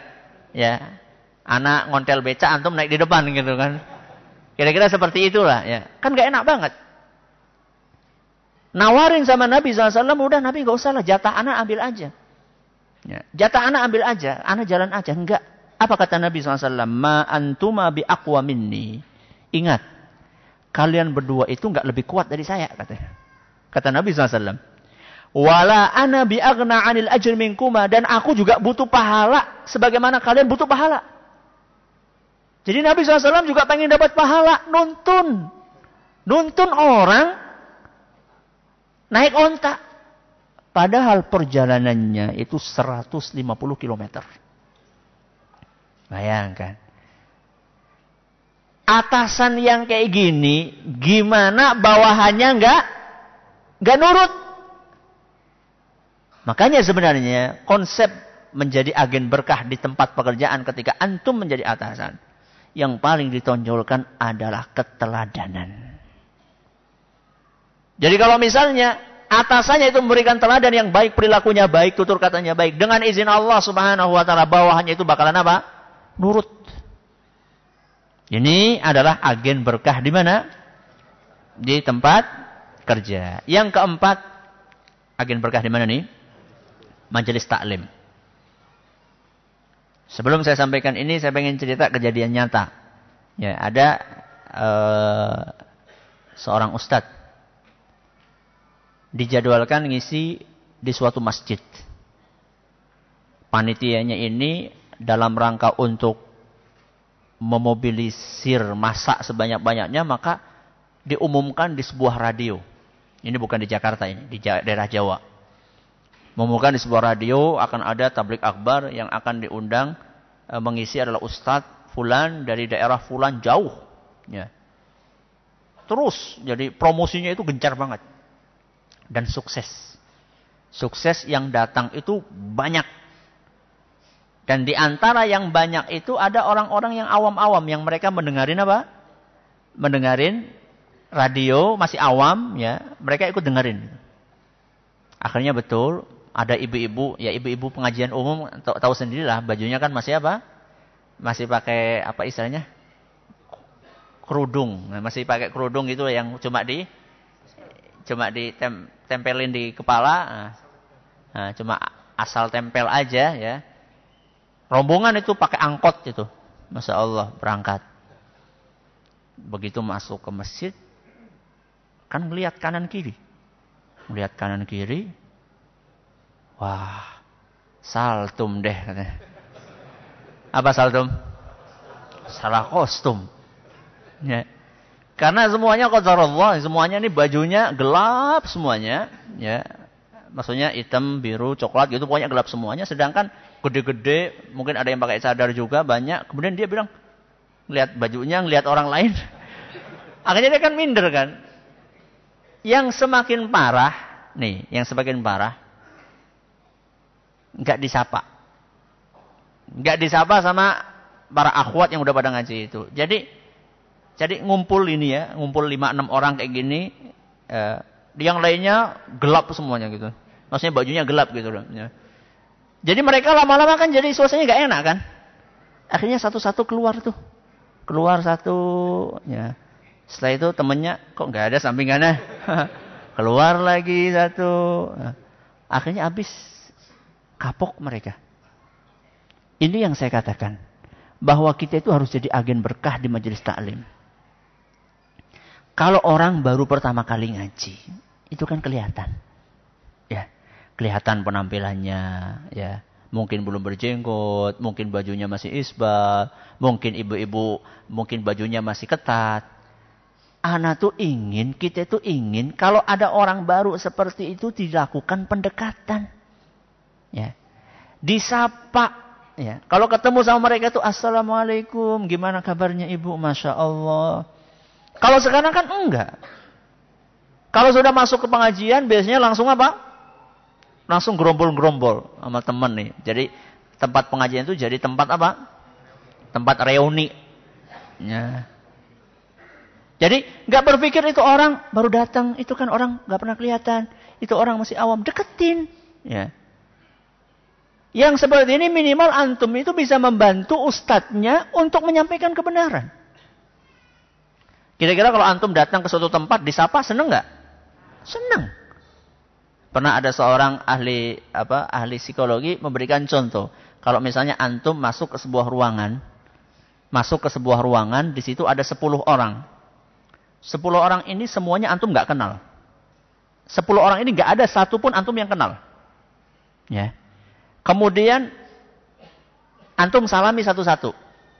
Nomor satu, nomor dua, nomor tiga, nomor empat, nomor lima, nomor sepuluh, seterusnya. Orang yang pertama antum salami, Assalamualaikum dia sambil pegang HP, Waalaikumsalam warahmatullah. Sambil pegang HP nih, ya. Cuma tangannya aja yang apa? Yang nongol. Ya. Orang yang kedua, Assalamualaikum, Waalaikumsalam, eh, gimana kabarnya? Ya. Ngobrol sama siapa? Sama yang sampingnya. Tangannya emang nyodor, tapi yang ini kepalanya ke sana. Orang yang ketiga mirip-mirip gitu, orang yang keempat sampai orang yang terakhir, orang yang ke sepuluh Begitu Assalamualaikum Waalaikumsalam. Gimana kabarnya antum? Sehat Masya Allah. Gimana antum? Dari mana aja antum nih? Kayak kenal aja. Enggak dari mana-mana. Kira-kira nih. ya.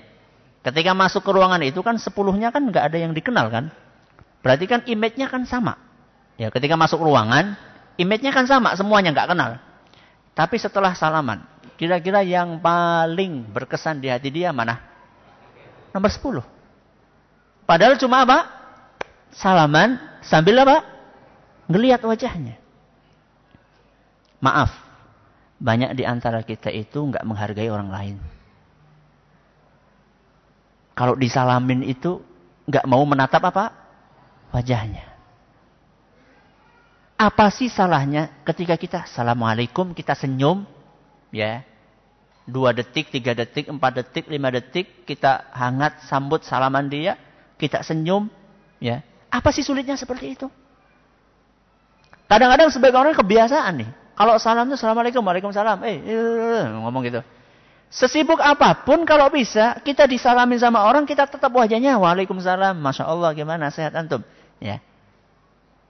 Orang itu akan merasa nyaman ketika dia hadir di majelis taklim yang seperti itu orang-orangnya. Makanya jangan salahkan ketika ada sebagian ikhwan memilih untuk memilih pengajian yang berbeda dengan kita karena keramahan orang-orang yang ada di situ. Ini kekurangan kita. Ya, jadi jangan kita katakan, wah itu memang mereka aja yang gitu. Ya kitanya yang kayak gini nggak bener. Ya. Jadi kita berusaha untuk kalau bisa orang datang itu disapa, paling minimal kita tanya di mana, kerja di mana, atau misalnya udah berapa anaknya, masya Allah tadi pakai apa ke sininya. Ini paling tidak sehingga orang itu ketemu sama kita, dia itu merasa suka, merasa nyaman, merasa betah. Sehingga besoknya dia akan datang lagi. Ketagihan dia, ketagihan ilmu agama. Ini yang keberapa? Yang ketiga. Eh yang keempat, maaf. Yang kelima, agen berkah di mana? Di kendaraan. Ini yang kadang-kadang kita lupakan nih di kendaraan. Masya Allah sekarang kan di sini kan banyak yang namanya uh, moda transportasi umum ya ya ada busway, ada apa lagi? Metro Mini, ada mikrolet, ada kopaja, ada kereta, ya. Banyak di antara kita kalau sudah duduk itu kan nggak peduli siapa samping kanan kiri kita. Nggak lihat siapa kanan kita, melihatnya kalau cantik aja dilihat. Nah. Hmm. Kalau udah tahu mbah-mbah itu, aduh mbah-mbah deh. Seharusnya memanfaatkan momen itu kan lumayan itu. Coba kalau misalnya macet-macet gitu lama nggak itu? Lama. Coba perhatikan Nabi SAW. Diceritakan oleh Ibnu Abbas radhiyallahu anhu. Ya. Kuntu khalfan Nabi sallallahu alaihi wasallam yauman. Kata Ibnu Abbas, aku pernah bonceng Nabi SAW. Aku pernah bonceng Nabi SAW di atas tunggangan beliau. Apa yang dimanfaatkan oleh Nabi? Faqala ya gulam inni u'allimuka kalimat. Nah, saya akan ajari kepada kamu beberapa ilmu. Jadi lihat Nabi SAW itu memanfaatkan keberadaan orang di belakang beliau untuk menyampaikan kebajikan. Kemudian beliau menyampaikan beberapa nasihat ihfadillah, yahfadka jagalah Allah, niscaya Allah akan menjagamu. Bukan cuma sekali. Beserta para sahabat yang lainnya, Nabi SAW juga seperti itu. Pernah ada salah seorang sahabat duduk di belakangnya Nabi SAW, tahu-tahu kendaraannya kepleset. Langsung dia mengatakan, celaka setan nih. Nabi SAW mengatakan, la takul. Jangan kamu ucapkan seperti itu. Ya, kalau kamu ucapkan seperti itu, setan tambah apa? Tambah gede, sampai kayak rumah besarnya. Terus gimana wahai Nabi? Walakin kul bismillah. Ucapkan bismillah. Kalau engkau ucapkan bismillah, setan akan jadi kecil, jadi kayak laler. Kayak Nabi, kata Nabi SAW. Ini hadis riwayat Abu Dawud nyatakan saya al-Hakim. Jadi lihat Nabi SAW menyampaikan nasihat ketika beliau sedang berada di kendaraan. Kita pun bisa. Ya. Ada cerita menarik, antum bisa nanti buka di Facebooknya Ustadz Arifin Badri. Ya, beliau punya cerita uh, di situ beliau posting ngobrol dengan seorang Nasrani. Di Facebooknya ada berapa edisi, berapa lima sampai lima atau enam, saya lupa itu postingannya. Cerita beliau. Begitu masuk ke kereta, ternyata ada seorang di samping beliau. Begitu dia uh, duduk di situ, dia langsung sapa. Salaman, dia senyum gitu. Ternyata sampingnya orang Nasrani. Sampingnya orang Nasrani. Setelah lama ngobrol gitu, baru dia uh, mengungkapkan keheranannya. Sini heran nih. Ada orang jenggotan, cingkrang caranya mau nyapa kata dia. Jadi kan image-nya kan nih orang nih apa nih kalau orang jenggotan sama sama cingkrang nih image-nya apa? Teroris. Nah, gitu kan. Saya heran nih. Kok ada orang uh, jenggotan pakai peci kemudian cingkrang kok mau nyapa? Akhirnya beliau terbuka cerita banyak tentang agama, tentang ekonomi, tentang akhlak, tentang kepribadian. Sampai akhirnya 4 jam, 5 jam itu isinya adalah obrolan yang subhanallah berkualitas. Ya. Makanya dari situ kita perlu memanfaatkan momen-momen tersebut. Ya. Paling tidak subhanallah banyak mungkin kenapa kita nggak berpikir ya kalau kita ke masjid kalau kita bepergian ke mana di tas kita itu bawa buku apa buku kecil buku saku gitu ya buku saku yang kira-kira materinya itu ringan ya kemudian ketika kita Duduk di samping kita ada orang yang kita nggak kenal sebelumnya, kita ngobrol sebentar, mau turun, maaf nih ada hadiah dikit. Itu subhanallah. Bisa jadi dengan buku kita ini, yang cuma harganya paling buku saku itu berapa sih? Maribu lah katakanlah ya. Itu bisa beli siomay ya. Di sini ya. Beli siomay ya. Itu siomay jatah hari itu dikurangi deh. Buat beli apa? Buku saku itu. Bisa jadi buku yang cuma 5000 itu bisa merubah 180 derajat kehidupan orang yang ada di samping kita. Bahkan mungkin bukan cuma dia. Dia bisa mewarnai istrinya, anaknya, keluarganya, bahkan mungkin masyarakatnya. Dengan keberkahan buku saku harga cuma 5000 perak. Dengan izin Allah subhanahu wa ta'ala. Maka ini adalah yang keberapa ini? Yang kelima. Berarti sekarang yang terakhir ya. Yang terakhir. Yang terakhir agen berkah di mana? Jejaring sosial. Ini subhanallah salah satu peluang emas. Cuman kadang-kadang tidak kita manfaatkan dengan baik. Ada sebuah survei mengatakan orang Indonesia yang pakai Facebook itu berapa orang tahu nggak? Ada sebuah survei, anak baca, yang menggunakan Facebook di Indonesia itu 42 juta orang. Yang pakai apa? Facebook. Dari 42 juta itu rata-rata Facebook buat apa? Hah? Buat pamer foto selfie. Itu kan, saya tahu. Yang kedua buat apa? Hah? Buat curhat, buat macam-macam lah. Pokoknya sesuatu yang mungkin menurut kita ini kurang kurang banyak manfaatnya. Coba kenapa kita nggak berpikir kita harus kreatif. Menjadi agen berkah di jejaring sosial. Apa pun yang antum pakai terserah. Mau pakai Facebook eh, mau pakai apa? WhatsApp eh, mau pakai Twitter, mau pakai apa lagi nih? BB mau pakai BB ini bukan bedak itu ya. ya, BBM ya. Terserah pokoknya pakai apa saja.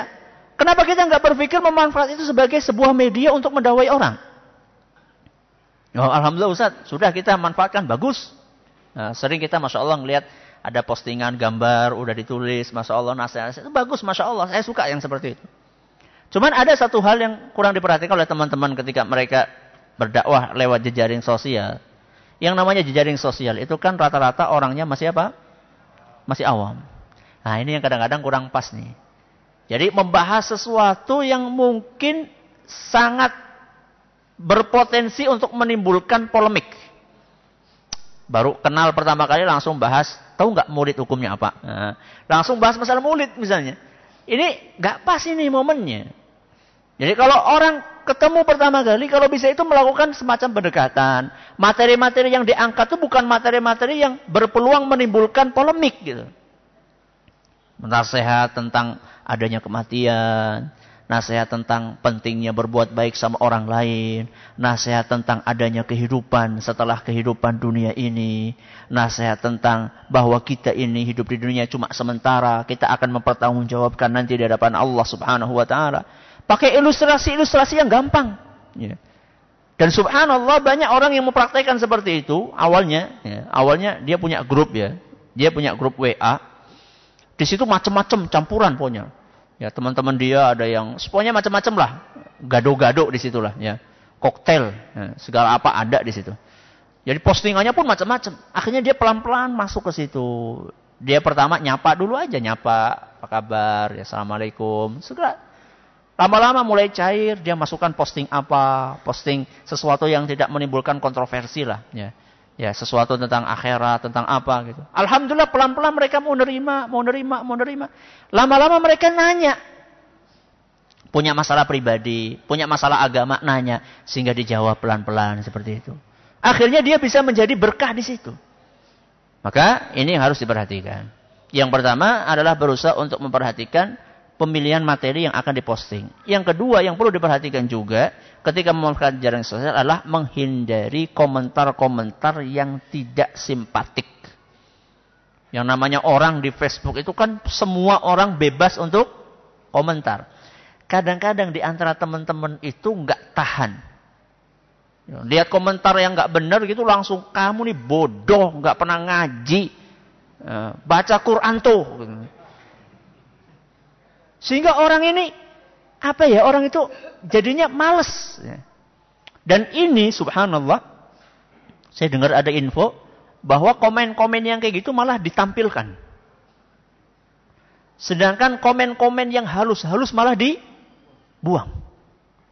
Apa maksudnya coba? Ingin membuat brand image bahwa orang-orang itu adalah orang-orang yang apa? Kasar. Makanya hati-hati. Ya. Jadi komen tuh jangan asal apa istilahnya itu? Apa? Jeplak siapa jeplak? jangan asbun. Ya, jangan apa? Jangan asal bunyi. Kalau mau ngomong itu pikirin, mau nulis pikirin. Saya sering itu kalau mau nulis apa gitu, anak baca lagi, anak edit lagi gitu kan. Mau posting apa gitu, anak baca lagi, edit, oh ini keliru, ini tambah ini. Lama itu kadang-kadang kalau mau posting. Ya. Supaya apa? Supaya pertanggungjawaban nanti di hadapan Allah Subhanahu wa taala kita bisa mempertanggungjawabkannya. Kemudian juga tidak menimbulkan efek negatif yang tidak kita harapkan. Sampai di sini pengajian kita pada kesempatan kali ini. Jadi intinya agen berkah itu adalah orang yang senantiasa membawa mengajarkan kebaikan di mana pun dia berada. Modalnya minimal ada berapa? Ada tiga. Yang pertama ilmu. Yang kedua keteladanan. Yang ketiga doa. Terus jadi agen berkah, contohnya agen berkah di mana? Di rumah, lingkungan, tempat kerja, di majelis taklim, di kendaraan, di uh, jejaring sosial. Ini cuma contoh. Jadi antum bisa menjadi agen berkah di mana pun antum berada. Ini cuma contoh saja.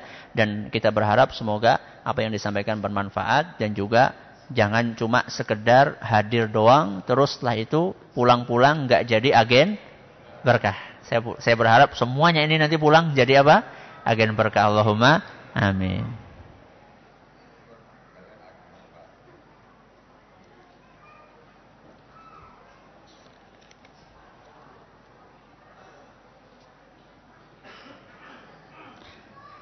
Ini pertanyaannya Anak pilih ya, yang ada kaitannya dengan masalah Bagaimana bermuamalah dengan mertua selain ngasih hadiah apa yang dia suka. Terkadang anak canggung Ustadz. Takut menyinggung kalau banyak kata. Jadi kalau di rumah lebih banyak diam. Apa perlu anak tanya hal yang tidak perlu? Mohon nasihatnya. Subhanallah. Yang namanya ngobrol sama mertua kan materinya banyak banget. Ya. Jadi mungkin kita bisa bertanya tentang kesehatan, ya, gimana kesehatan ibu, gimana kesehatan bapak, ya. Kemudian kesehatan saudara-saudaranya, gimana si fulan, ya. Masya Allah, banyak sekali materinya. Jadi kalau antum cuma jadi pendiam saja di rumah, nanti malah orang tuanya merasa, mertuanya merasa ini anak kok menyimpan sesuatu nih, nggak mau cerita-cerita. Jadi kalau antum takut menyinggung, berarti kalau mau ngomong itu di dipikirkan. Ya, kalau mau ngomong dirancang. Ya, kalau mau ngomong itu dirancang, susunannya kayak apa, kalau perlu ditulis tidak apa-apa. Mau mau daftar daftar pekerjaan aja bikin CV nulisnya bolak-balik ya. Ya, kenapa kita sama mertua kita nggak mau seperti itu? Maka bisa aja ditangani, tetap berbicara akan tetapi e, disortir omongannya.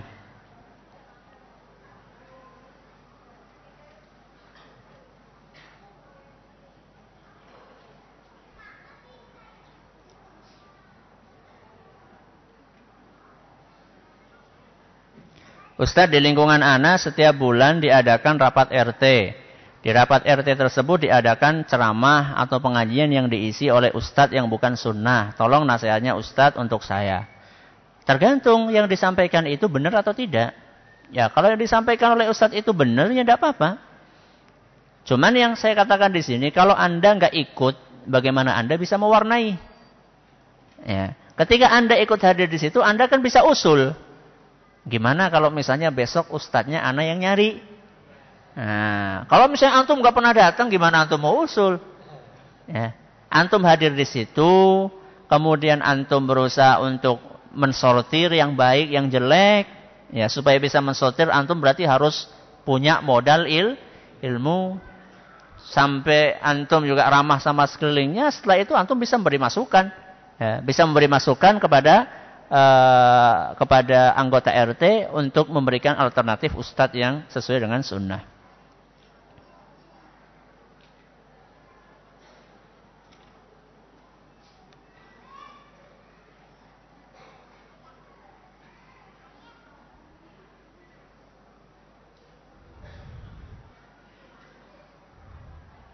Ustadz saya mau nanya bagaimana mengaplikasikan agen berkah di lingkungan keluarga. Sementara saya sebagai anak yang paling kecil kepada kedua orang tua saya dan kakak-kakak saya. Sementara keluarga saya masih awam banget dengan sunnah. Dari mana saya mulai dakwah sementara saya selalu tidak dianggap di keluarga. Masa? Buktinya antum sampai besar. Nah. Jadi mulainya dari mana? Dari perilaku yang baik. Ya, dari perilaku yang baik contohkan perlihatkan bahwa antum ini ya setelah antum ini ngaji, antum ini tambah baik. Perlihatkan. Ya. Perlihatkan kepada mereka bahwa kepada keluarga, kakak-kakak, pada orang tua bahwa antum ini di sini setelah ngaji, perilakunya semakin baik, semakin jujur, semakin suka membantu. Itu yang bisa antum lakukan. Sambil pelan-pelan antum mentransfer ilmu yang antum miliki kalau nggak bisa dengan omongan langsung antum bisa memberikan buku bisa memberikan majalah bisa memberikan CD bisa ngasih tahu link di internet yang isinya bagus dan sebagai uh, dan yang lainnya cara-cara yang kreatif. Bolehkah ana memberi salam kepada akhwat di lingkungan ana? Hukum asalnya boleh. Hukum asalnya apa boleh. Kecuali kalau dikhawatirkan ada apa? Fitnah. Hukum asalnya boleh. Nabi SAW pernah salam kepada uh, para akhwat. Ya. Jadi hukum asalnya boleh. Kecuali kalau ada fitnah. Cuman kadang-kadang orang nih salamnya sama akhwat yang muda-muda aja nih. Sama nenek-nenek ke salam. Kalau seperti ini nih perlu diwaspadai nih. Saya jadi ragu-ragu nih, ikhlas apa enggak nih? Makanya uh, ya nggak apa-apa, hukum asalnya boleh-boleh saja. Yang penting tidak khawatir menimbulkan apa? Fitnah.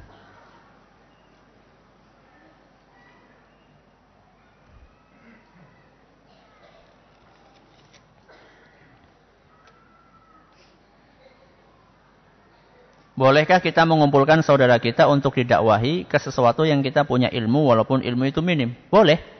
Nabi kan mengatakan, Balighu anni walau ayat. Sampaikan walaupun satu ayat. Antum punya ilmu sampaikan. Akan tetapi yang perlu anak anak jelaskan di sini adalah jangan menyampaikan sesuatu yang kita enggak tahu. Jadi antum tahunya segitu ya sampaikan segitu aja. Jadi jangan melebar ke mana-mana. Kecuali kalau antum udah punya ilmunya. Atau kalau antum khawatir, kalau antum khawatir antum nggak bisa menyampaikan dengan benar, antum minta tolong sama orang yang berilmu, ya ustadz atau teman antum yang lebih berilmu untuk menyampaikan kebaikan itu di hadapan saudara-saudara antum. Akan tetapi sekali lagi cara caranya itu harus sangat diperhatikan. Bagaimana caranya untuk menjadi agen berkah terhadap orang tua kita? Tadi sudah saya sampaikan, yaitu berusaha untuk memberikan keteladanan yang baik. Bahwa setelah kita ngaji, kita ini semakin baik perilakunya, semakin berbakti sama orang tua, semakin menjaga lisan kita sama orang tua, semakin sopan sama orang tua, semakin gampang disuruh sama orang tua dalam kebaikan. Itu adalah salah satu kunci utamanya. Bagaimana tanggapan Ustadz mengenai fenomena kristenisasi di Car Free Day yang banyak diposting di Youtube? Ya apa yang bisa antum lakukan? Ya, ada sebuah ungkapan yang mengatakan janganlah sibuk untuk mencela kegelapan, tapi mulailah untuk menyalakan apa? Lilin. Ya. Jadi nggak usah itu ribut ngomongin oh gini gini gini. Ente udah ngapain? Itu aja udah. Ya. Ente udah ngapain? Ya, kenapa kita nggak berpikir tadi ada buku saku ya, ada buku saku ketika Car Day, Car Free Day kita bagikan itu sama orang-orang, walaupun cuma 10 enggak apa-apa. Kita pilih-pilih lihat orangnya yang kira-kira mau baca, kita salamin, nih Bu ada hadiah, semoga bermanfaat. Ini Pak ada hadiah, semoga bermanfaat. Jadi jangan kita fokus untuk mencela kenyataan tapi berusahalah fokus untuk memperbaiki keadaan.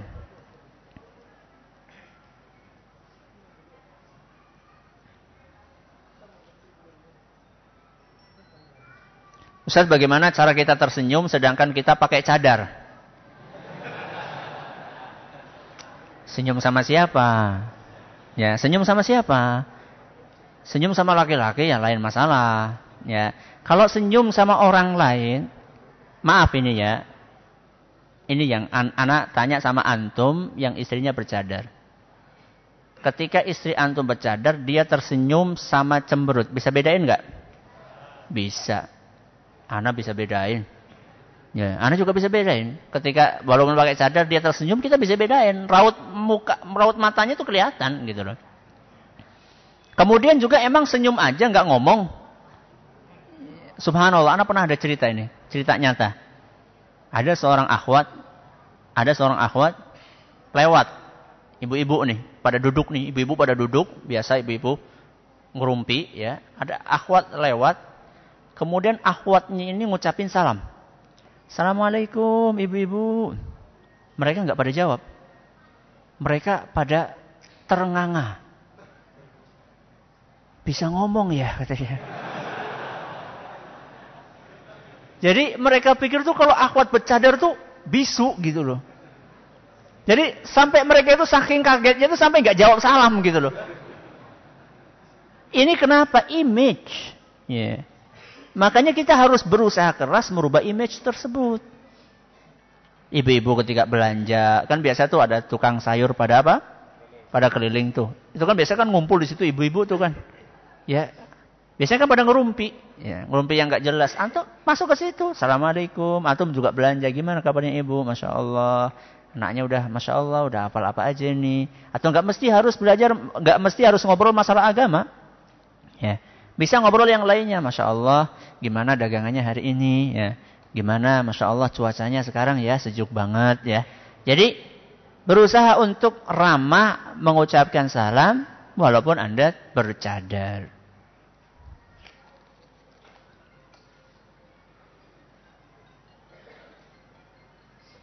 Ustadz, Anda pernah lihat di televisi ada artis ketika mengucapkan salam ada tambahan kata ta'ala. Apakah diperbolehkan secara Islam? E, kalau dari hadis-hadis Nabi SAW kami belum nemu. Ya, kalau dari hadis-hadis Nabi SAW kami belum nemu ada tambahan apa? Ta'ala. Cuman kata beberapa ulama, kalau nggak salah Syekh Ibn Uthaymin rahimahullah, kata beliau, kalau ditambahkan tidak apa-apa. Karena tidak ada yang salah dengan kata ta'ala. Ta'ala itu kan apa? E, maha tinggi. Jadi pujian kepada siapa? Pada Allah. Asalkan tidak dijadikan sesuatu yang rutin, melulu selalu kayak gitu, gitu loh. Kadang-kadang aja tidak apa-apa. Kata para ulama seperti itu. Jadi secara asal ya afdolnya memang Assalamualaikum warahmatullahi wabarakatuh. Afdolnya seperti itu. Akan tapi kalau suatu saat ditambah Assalamualaikum warahmatullahi ta'ala wa barakatuhu tidak apa-apa asalkan tidak di, dirutinkan e, karena maknanya sebenarnya benar cuman oleh Nabi Shallallahu alaihi wasallam setahu kami dalam hadis-hadisnya tidak disebutkan. Terakhir Ustadz ana dari Kedoya dari Kedoya Jakarta Barat ana datang sini hanya ingin duduk di majlis-majlis Ustadz karena Anda mencintai Ustadz karena Allah. Semoga Allah limpahkan keberkahan dan kesehatan kepada Ustadz dan keluarga Ustadz. Amin. Semoga Allah Subhanahu wa taala menjadikan kita hamba-hambanya yang saling mencintai karena Allah. Allahumma amin. Sampai di sini pengajian kita pada kesempatan kali ini. Terima kasih atas perhatiannya. Mohon maaf atas segala kurangannya. Kita tutup dengan membaca Subhanakallahumma wa bihamdika asyhadu an la ilaha illa anta astaghfiruka wa atubu ilaik. Assalamualaikum warahmatullahi wabarakatuh.